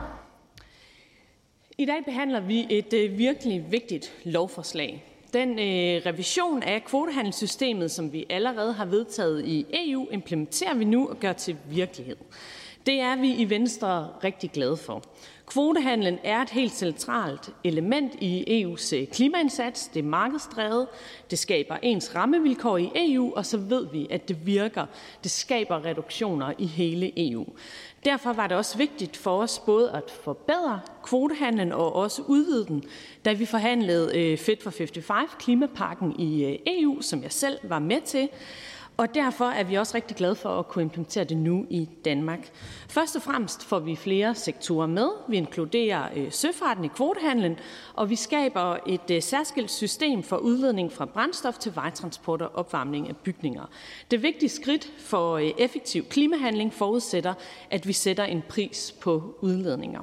Samtidig udfaser vi gratis kvoter i takt med, at den nye klimatol CBAM'en bliver indfaset. Det øger incitamentet for virksomheder til at investere i mere grønne og bæredygtige løsninger. Ikke bare for danske virksomheder, men for virksomheder i hele EU, og derfor også bidrager øh, til indsatsen for at skabe en grøn konkurrence. Og det vil vi sådan set gerne have mere af. På den baggrund stemmer Venstre for lovforslaget. Tak for ordet. Og der er ingen korte bemærkninger. Tak til fru Linnea, fru Linnea Søgaard Liddell Øh, Venstre. Ja, men øh, det, der sker nu, her, Henrik Fransen, det er, at der er sket en øh, forskydning af det indbyrdes øh, størrelsesforhold mellem SF og Venstre, øh, SF og Moderaterne, så SF skal have ordet før. Der er sket noget de senere dage. Ja, der er sket noget de seneste dage, så derfor er det næste, får ordet, er fru Signe Munk, SF.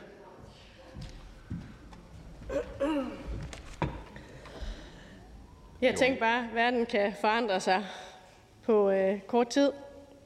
Øh, lovforslaget, øh, der er øh, til behandling øh, i dag, er utvivlsomt øh, et godt skridt på vejen til at få sendt CO2-reduktionerne ned.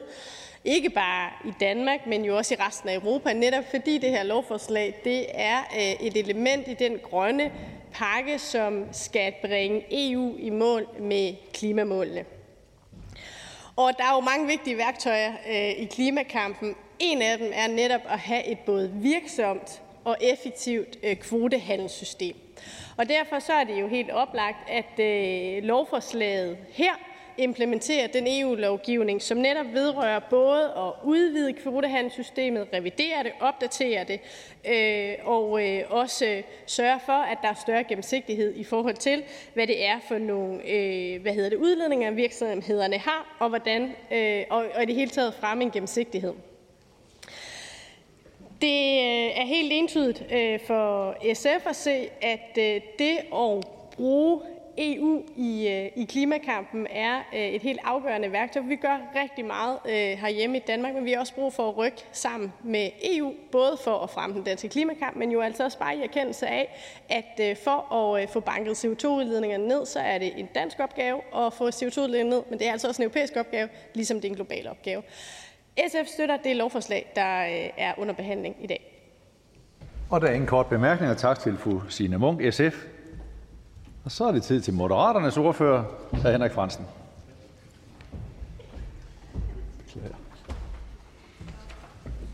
Jeg siger rigtig mange tak for ordet, og øh, er da glad for, at øh, der ikke skal være lodtrækning, når nu der er tre partier i Folketinget med 14 mandater indtil på torsdag. Der er vi 15 igen. Tak for ordet, herr formand. Grunden til, at vi behandler dette lovforslag i dag, er som bekendt, og som mine ordførerkollegaer allerede har været inde på, for at sikre, at vi i Danmark lever op til de forpligtelser og standarder, der er fastsat på EU-plan. Det har vi som EU-medlemsland en forpligtelse til, og endnu vigtigere har vi også en forpligtelse til at gøre, hvad vi kan, for på bedste vis at håndtere en af vores tids største udfordringer, nemlig klimaforandringerne. Det går alt, alt for hurtigt med den globale temperaturstigning. Det bør efterhånden stå meget klart for alle, der har fulgt med i nyhederne gennem det seneste halvårs tid. Og der skal sættes turbo på klimahandlingen. Ændringsdirektiverne fra EU kræver en omfattende revidering af vores eksisterende EU-kvote, CO2-kvotesystem. Ændringsdirektiverne omfatter således en udvidelse af vores kvotehandelssystem til at inkludere udledninger fra søfart og oprettelsen af et separat system til udledninger fra brændstoffer til vejtransport og opvarmning af bygninger. Og dette er ikke bare skrivebordsbeslutninger. Det er et praktisk skridt hen imod at reducere vores udledninger og gøre vores transport- og energisystemer mere bæredygtige. Det er en opfordring til handling. Ingen tvivl om, at disse ændringer vil kunne mærkes for nogle. Det kommer især til at få økonomiske konsekvenser for de virksomheder, der skal tilpasse sig disse nye regler og fremover skal købe sig til kvoter. Men disse virksomheder spiller samtidig også en væsentlig rolle i samfundets samlede udledning af drivhusgasser. Industri, transport og energiproduktion er blandt de sektorer, der bidrager allermest til CO2-udledning. Og ved at pålægge disse virksomheder at købe kvoter for deres udledninger, skaber vi et incitament til at reducere udslip og ikke mindst et incitament til at investere i mere miljøvenlige øh, øh, løsninger. Så det drejer sig i virkeligheden om en måde øh, at regulere og motivere disse store udledere til at tage en mere aktiv del i kampen mod klimaforandringerne. Derfor er jeg også glad for, at klima-, energi- og forsyningsministeren med lovforslaget får hjemmel til at gennemføre sanktioner ved manglende overholdelse af de fastsatte regler. Moderaterne støtter naturligvis forslaget. Tak. Og der er ingen kort bemærkninger. Tak til hr. Henrik Fransen, Moderaterne. Næste ordfører er hr. Kenneth Fredslund øh, Petersen, Danmarksdemokraterne. Tak, formand. Ja, jeg tænker lige, jeg prøver at gøre det lidt kortere end uh, hr. Henrik Fransen her. Jeg skal lige indlede med, at jeg i dag er vikarier for vores ordfører, så er det på området, som desværre er forhindret i at møde op. L81. Øh, formålet med lovforslaget er at implementere en revision af det gældende kvotehandelsdirektiv, og herved bidrage til reduktionen af, drivhus, øh, af drivhusgasudledninger. Eftersom ændringsdirektiverne fra EU nødvendiggør omfattende ændringer i den gældende danske lov om CO2-kvoter, er lovforslaget fremsat som forslag til ny hovedlov. Lovforslaget vurderes at medføre negative administrative udgifter for erhvervslivet svarende til en 35-52 millioner kroner. Vi noterer os dog desuden, at blandt andre transportbranche, fiskeribranche og SMV Danmark er hørt, og ingen af dem havde indvendinger. Danmarksdemokraterne støtter forslaget, blandt andet fordi det vil implementere og simplificere den danske CO2-kvotehandel, og lovforslaget forventes at kunne skabe et større markedstræk efter lav- og nulemissionsteknologier med positive effekter for dansk eksport og beskæftigelse. Som nævnt, vi støtter forslaget. Tak for ordet. Og der er ingen kort bemærkninger. Tak til hr. Kenneth Fredslund Petersen, Danmarksdemokraterne. Næste ordfører er hr. Steffen Frølund, Liberal Alliance. Kernen i god klimapolitik det er i videst mulig omfang at sikre et simpelt og i grunden liberalt princip, nemlig den, at den, som forurener, også er den, som betaler. Det er kun rimeligt, når man påvirker det omgivende samfund negativt i form af f.eks. dårligere vandmiljø, eller man bidrager til globale temperaturer, som stiger gennem sin udslip af drivhusgasser. Og det, at vi pålægger en afgift eller en kvotepris, er det mest effektive værktøj til at sikre disse reduktioner, vi efterspørger. Den bedst mulige afgift vil være globalt funderet, så man kan undvige afgiften, så man ikke kan undvige afgiften ved at flytte produktionen derhen, hvor det er skattemæssigt fordelagtigt. Skattesystemet bør give incitamenter til, at produktionen foregår der, hvor den også udleder mindst. Rent teoretisk vil verdens bedste skat måske også give et vist bundfradrag til den produktion, hvor teknologien endnu ikke findes til at gøre den helt grøn, og hvor man så bare beskatter mere udledningen i forhold til den bedst mulige produktion. Det her utopiske skattesystem findes ikke. Der er ikke nogen global CO2-skat, ingen systematiske incitamenter til at flytte produktion derhen, hvor det klimamæssigt bedst giver mening, og intet bundfradrag for de udledninger, som endnu ikke teknisk kan fjernes. Men holder vi den her utopiske beskatning op mod noget, som findes i virkeligheden, så er EU's kvotesystem det, som kommer tættest på. Med dette forslag udvides kvotesystemet blandt andet til at gælde søfartens område, hvilket er virkelig positivt, jo flere udlændinge, der kan omfattes af kvotesystemet, jo mindre bliver behovet for national særlovgivning til skade for danske virksomheder. Kvotesystemet er den allerbedste klimapolitik, vi overhovedet har, og vi kan varmt støtte op om forslaget. Og der er ingen kort bemærkninger. Tak til hr. Steffen Frølund, Liberal Alliance. Næste ordfører er fru Mona Jul, Konservative Folkeparti.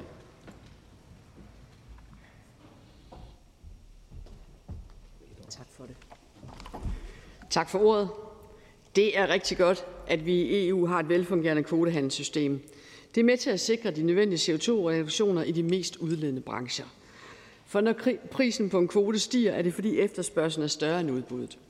Og når prisen stiger, så vil det ofte være billigere for en virksomhed at udlede mindre, og at sikre det ved at investere i ny produktion eller ny teknologi. Og det er en god måde at sikre de rette incitamenter på. Men i forbindelse med Fit for 55 er der lavet flere nye direktiver, og det giver derfor god mening med en ny hovedlov. I udvalgsarbejdet vil jeg dog dykke ned i de store negative erhvervsøkonomiske konsekvenser. For nok er danske virksomheder mere end klar til grøn omstilling. Det skal også være økonomisk muligt. Og det er jo til ærligt talt ikke, fordi staten ligefrem har noget at klage over. Staten tjener boksen på kvotesystemet, og det glæder mig til, at regeringen kommenterer og giver os indblik i. Og med de kommentarer forventer jeg, at det konservative Folkeparti stemmer for. Og jeg skal også hilse fra Dansk Folkeparti og sige, at de også stemmer for.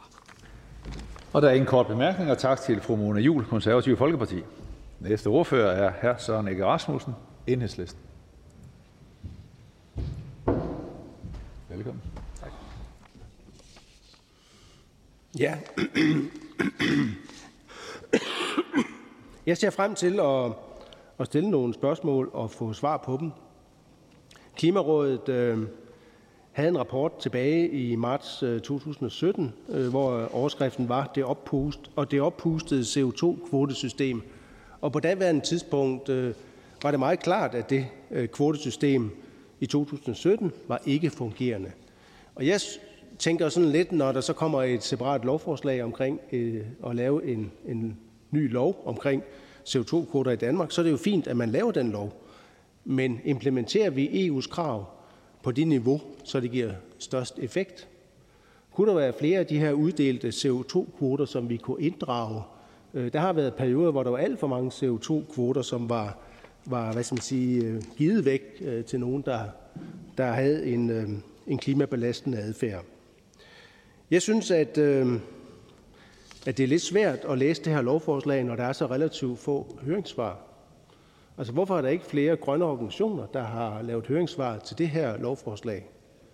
Det lægger jo et vis pres på grønne partier, at man selv skal, skal finde på at finde de, øh, de kritiske vinkler øh, på et lovforslag og spurgt ind til det. Så hvis der er nogle grønne organisationer, der, der hører det her, øh, hvorfor er der ikke afgivet flere høringssvar? Når man ser på den samlede effekt CO2-mæssigt, så står der i lovforslagets bemærkninger, at rent klimamæssigt, der har det en reduktion på 0,39 millioner tons i 2023. Øhm, nej, det var i et, ja, og, men jeg synes jo, at, at det her, det skulle gerne medføre, at vi når frem til noget, som har en væsentlig klimaeffekt i 2030, når vi indfører øh, et nyt system. Så det efterspørger jeg, at vi får kigget på, kan det her, de her krav fra EU ikke implementeres på en øh, mere ambitiøs måde. Og det er sådan set vores tilgang til lovforslaget. Og der er en kort bemærkning, og tak til hr. Søren Ege Rasmussen, Enhedslisten. Næste ordfører er fru Samia Nawa, Radikale Venstre. Mange tak. Det her lovforslag, der gennemfører vi øh, Europaparlamentet og rådets øh, kvotehandelsdirektiv. På den måde, der inkluderes udledninger fra blandt andet søfart, og formålet med den her lov er at reducere drivhusgasemissionerne.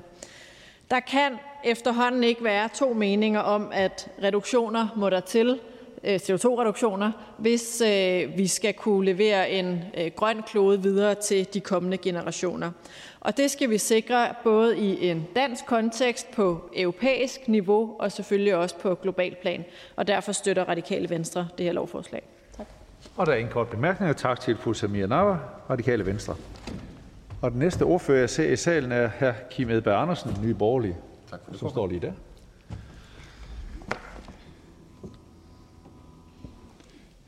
Nå, så sluttede koret af glade entusiaster for lovforslaget. Og øh, der skulle jo være en, der ligesom øh, tog den negative hat på. Øh, intentionen er jo rigtig. Øh, vi skal have skåret ned på udledning af CO2. Nye Borgerlige er fuldstændig enige. Men jeg er nordjyde, og man kan altså også bare købe en gris for dyrt. Øh, 13 milliarder, det er, hvad det koster erhvervslivet. For 390.000 tons, det er sådan lidt hurtig hovedregning, 33.000 per ton. Det er mange penge. Det er mange penge. Jeg ved, at regeringen har sat øh, for eksempel 1.500 kroner per ton ud til landbruget, og det var rigeligt. 33.000 per ton, det er regnestykke her, og jeg har snakket med ministeren, så jeg er sikker på, at han sender et, et, et andet regnestykke over til mig, men jeg bliver nødt til at gå ud fra det, der står i, i lovforslaget, at, at det er faktuelt. Det, det, vi også ved, det er, at det giver 2,9 milliarder mere i statskassen. Det er ekstra skat. Så er der selvfølgelig et mindre proveny på 1,5, så 1,4 milliarder i ekstra skat. Det er det, vi lige om lidt går ud og siger, at nej, vi har fået ekstra penge i råderummet, så nu bruger vi det på et eller andet helt halleluja. Øh, og vi ved også, at de 13 milliarder, som det koster erhvervslivet, dem siger de heri, at øh, jamen det overvælter de på forbrugeren. Og det er jo super fint. Jeg tror bare, vi skal fortælle forbrugeren, hvad det er, vi gør nu. Det er, at vi gør det 13 milliarder dyrere at købe varer i Danmark. Altså, forureneren betaler. Ja, godt princip. I sidste ende så er det os selv, der betaler, når vi køber et eller andet. Så lad nu være med at trække binde for øjnene på folk. Det her, det koster. Lige nu der koster det rigtig meget. Det her det er et af de dyreste forslag, jeg har set for at, at skære i CO2'en. Og så kan man øh, sige, at vi er enige i EU, og EU gør, og vi skal alle sammen en del af EU. Ja, ja, vi er stadigvæk et, et øh, selvstændigt land endnu, heldigvis.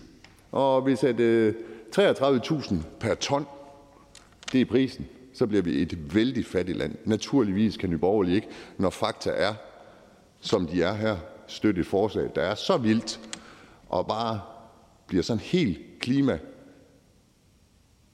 heldigt uden at bruge hjernen. Og jeg synes ikke, vi bruger hjernen her. Jeg går ind øh, for reduktionerne. Jeg synes, at de skal reduceres. Jeg er sikker på, at vi kan gøre det billigere end 33.000 per ton, som der står i lovforslaget. Det bekymrer mig, øh, og der får jeg håber jeg selvfølgelig, at ministeren han oversender et andet regnestykke. Jeg ville jo have håbet, at det var i lovforslaget, for jeg var ud fra, at det, der står i loven, det er fakta. Nye Borgerlige støtter ikke forslaget. Jamen tak for det. Og øh, jeg blev bare lidt nysgerrig, fordi øh, nu sagde ordføreren, at nu slop, stoppede det øh, fra talerstolen med dem, der var positive for lovforslaget. Alligevel bliver det sagt sådan, at det er jo dejligt med klimareduktionerne. Og medmindre man er uenig i den rapport, der lige er kommet fra FN, som jo siger, at vi sigter mod 2,9 grader stigning på den her jordklode, så kommer man ikke udenom, at der skal reelle reduktioner til. Så måske ordføreren bare kunne sådan oplyse os andre om, hvad er det så for en række af forslag, som Nye Borgerlige kommer med i forhold til at sikre reelle klimareduktioner? Vi kan starte med, vi havde jo en, en diskussion her for, for nylig med, med, med, med atomkraft, hvor Socialdemokraterne og regeringen de nærmest løb ud af øh, gangen herude, fordi fuh, det var noget af det mest frygtelige, vi kunne diskutere atomkraft. Det er frygteligt farligt, men det er CO2. Øh, det er ren energi.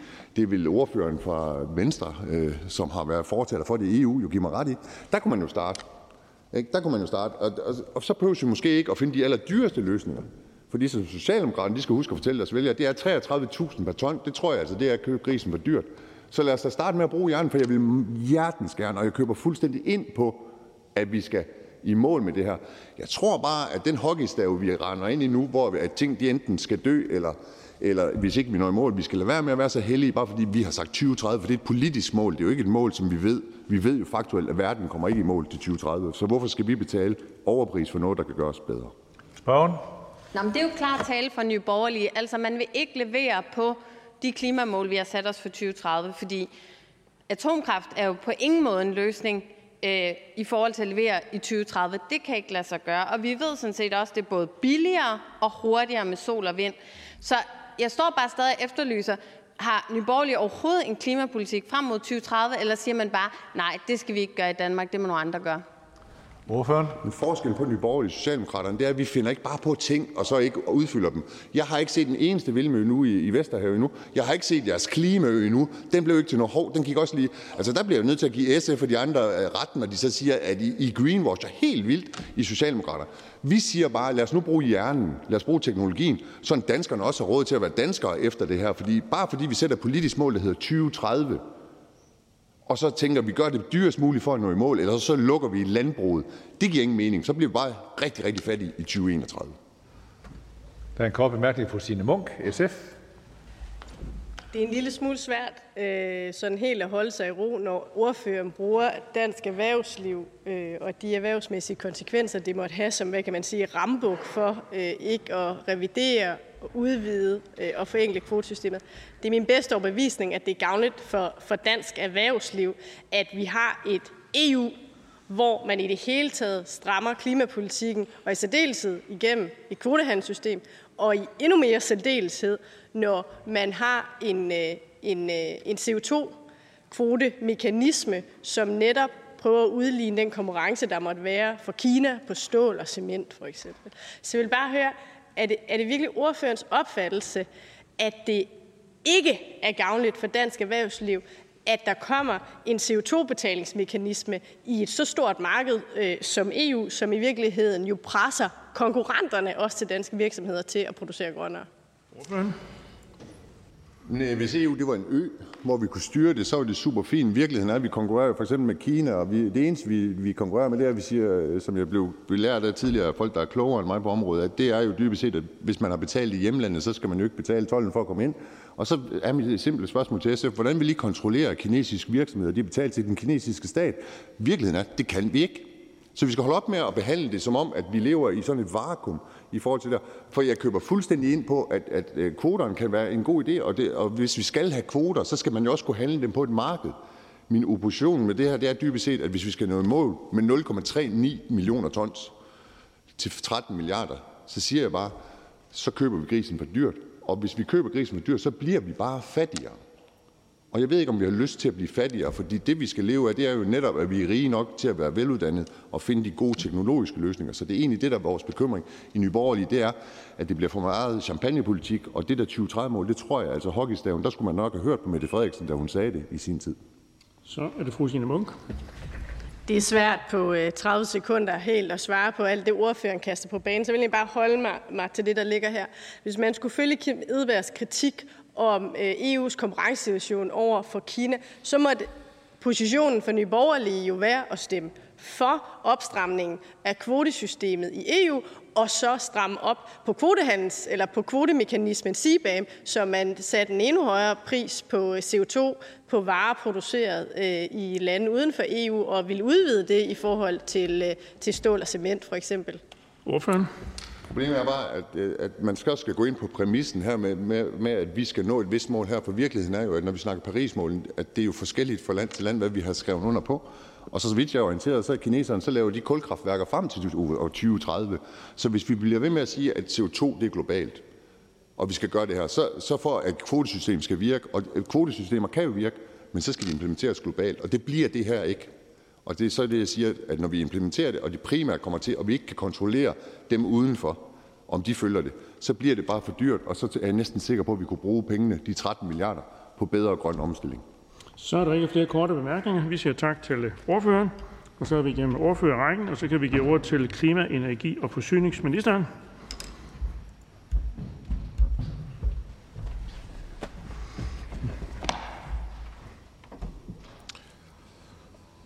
Indledningsvis vil jeg gerne takke ordførerne for bemærkningerne til lovforslaget. Øh, som flere har nævnt, så er det til formål at implementere den omfattende revision af EU's kvotedirektiv i dansk ret. Revisionen indgår som led i Fit for 55-pakken, som skal bidrage til at opfylde EU's klimamål om mindst 55 procents reduktion i 2030. Øh, kvotesystemet, som også er blevet debatteret i de foregående indlæg, det er EU's mest effektive klimainstrument. Det virker på tværs af medlemslandene. Det skaber level playing field. Øh, det sikrer, at vi opnår de opsatte klimamål mod 2030 og videre frem. Revisionen af kvotedirektivet indeholder primært en hurtigere reduktion i mængden af kvoter. Det er altså det, der sikrer, at vi når de skærpede klimamål. Det indeholder en udfasning af gratiskvoter for luftfart og de mest energitunge øh, og CO2-tunge industrivirksomheder. Derudover bliver udledningerne fra søfart omfattet af det eksisterende kvotesystem, hvilket forventes at øge fragtpriserne i EU, som det også fremgår af lovforslaget. Endelig oprettes der et nyt kvotesystem for udledninger fra brændsler til vejtransport og opvarmning af bygninger fra 2027. Stramningerne og udvidelsen af kvotesystemet betyder altså, at hele EU skruer op for udfasning af fossile udledninger og øger gevinsten ved den grønne omstilling. Lovforslaget har væsentlige konsekvenser, som vil kunne mærkes for erhverv og borgere, fordi der bliver sat en pris på CO2-udledningerne. I det eksisterende kvotesystem er prisen allerede steget fra ca. 650 kroner ton øh, per ton i dag, og det, øh, det forventes, at det vil stige yderligere. Det nye kvotesystem for brændsler vurderes at medføre, at prisen på benzin og diesel vil stige med øh, omkring en krone, måske lidt over, per liter i 2030, ud fra den forventede kvotepris. Dermed skønnes udgiften til transport at stige mellem 1.000 og 1.500 kroner årligt for en gennemsnitlig personbil i 2030. Det nye kvotesystem omfatter også brændsler til opvarmning af bygninger. Den årlige regning for opvarmning af et standardhus med naturgas forventes at stige med ca. 1.800 kroner i 2030. Det her øger incitamentet til at skifte fra gas og andre fossile brændsler ud med grønne opvarmningsformer, og det vil påvirke vores valg af biler fremadrettet. Lovforslaget forventes at bidrage med cirka yderligere 0,4 millioner tons CO2-reduktioner i 2030. Med lovforslaget tager vi dermed et vigtigt skridt på vejen til at opfylde vores 2030-mål med klimahandling, der fungerer på tværs af EU's grænser. Lovforslaget er relativt teknisk. På grund af de omfattende ændringer i kvotedirektivet blev lovforslaget fremsat som en ny hovedlov frem for en ændringslov. Det har givet muligheder for at forenkle øh, kvoteloven juridisk og sprogligt, hvilket er til gavn for både de berørte virksomheder og administrationen af loven.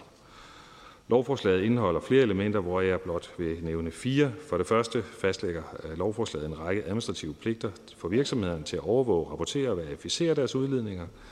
For det andet giver lovforslaget bemyndigelse for både klima-, energi- og forsyningsministeren og erhvervsministeren til at fastsætte regler for administrative forhold i henhold til kvoteordningen. For det tredje fastlægger lovforslaget sanktionsmuligheder. Endelig opstiller lovforslaget klagebestemmelser over afgørelser, der er truffet i henhold til kvoteordningen. Jeg vil egentlig gerne takke for interessen for lovforslaget. Jeg ser frem til udvalgsbehandlingen. Tak for det. Og der er en kort bemærkning fra hr. Søren Egge Rasmussen. Ja, jeg synes jo, det er væsentligt, at vi får nogle hurtige CO2-reduktioner. Og når jeg så kigger på det her lovforslag, som, som kun giver 0,39 millioner tons øh, reduktioner i 2030, så er min umiddelbare tanke, øh, kunne det her ikke være øh, udfoldet i Danmark øh, på en måde, så det sådan set gav flere CO2-reduktioner? Og når jeg så ser på, hvad vi, hvad vi tidligere har modtaget fra Klimarådet, jeg er godt klar over det helt tilbage i 2017, der kaldte de det det oppustede CO2-kvotesystem, fordi der jo sådan set var for mange kvoter ude på markedet dengang. Hvad er der sket siden 2017? Er der noget, der sådan set er, er blevet ryddet op i i EU-systemet, sådan at, at det tiltag, vi nu forholder os til med det her lovforslag, at det, vi udelukkende kan gøre, eller kunne vi implementere det på en dansk måde, så det gav flere CO2-reduktioner i, i 2030? Det er det, jeg umiddelbart tænker, når jeg ser lovforslag, der egentlig ikke har mere effekt end det her. Øh, så det synes jeg egentlig, vi skal have, hvad skal man sige, konkretiseret i en, i en udvalgsbehandling, om vi kun har den her ene mulighed, fordi så vil vi selvfølgelig stemme for det, men, men kunne vi skrue op på nogle knapper, så er vi enhedslisten for det. Ministeren? Ja, øh, tak, for, tak for spørgsmålet, og hvor er jeg dog glad for det. Øhm, det oppustede kvotemarked handlede blandt andet om, hvor mange kvoter, kvoter der var til rådighed. Der er sket en skærpelse af målsætningen. Hvis jeg husker ret, nu skal jeg lige bladre for at finde det rigtige tal, så er øh, det, der hedder ITS 1, 1, der er der sket en forøgelse af reduktionsgradet fra 43 til 62 procent. Så det er jo en del af det, der tager det oppustet ud. Det er sådan set, at vi reducerer antallet af kvoter, og det er en del af reformen. Så spørger, du, øh, så spørges der til, er der nogle optioner, vi kunne have brugt for at skærpe implementeringen af det her? Øhm, ja, der er faktisk en option, vi kunne have brugt. Vi kunne have lavet være med at inkludere transport og opvarmningsbrændsler i 2027. Det indeholder de europæiske regler en mulighed for, at det kunne vi have gjort. Det har regeringen aktivt valgt ikke at gøre. Så vi har været inde og kigge på de steder, det er det væsentligste sted, hvor man kunne have valgt at udskyde. Der har vi valgt at bruge datoen 2027 og ikke bruge den option. Så har vi brugt en option i forhold til Rønne, øh, Køge-ruten, undtage dem øh, fra reglerne, øh, og det uddyber jeg gerne i udvalgsbehandlingen, hvorfor at det er fornuftigt. Det handler blandt andet om den økonomiske regulering, der er omkring den specifikke færgefart.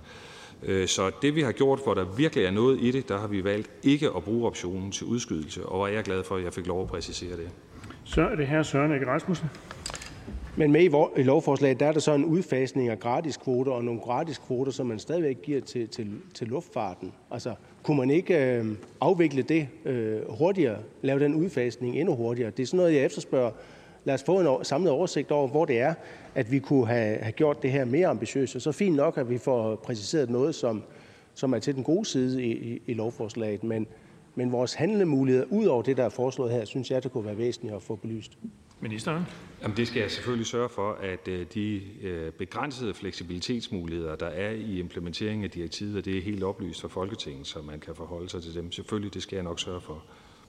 Mange tak for det. Så er der ikke flere korte bemærkninger, så vi siger tak til øh, ministeren.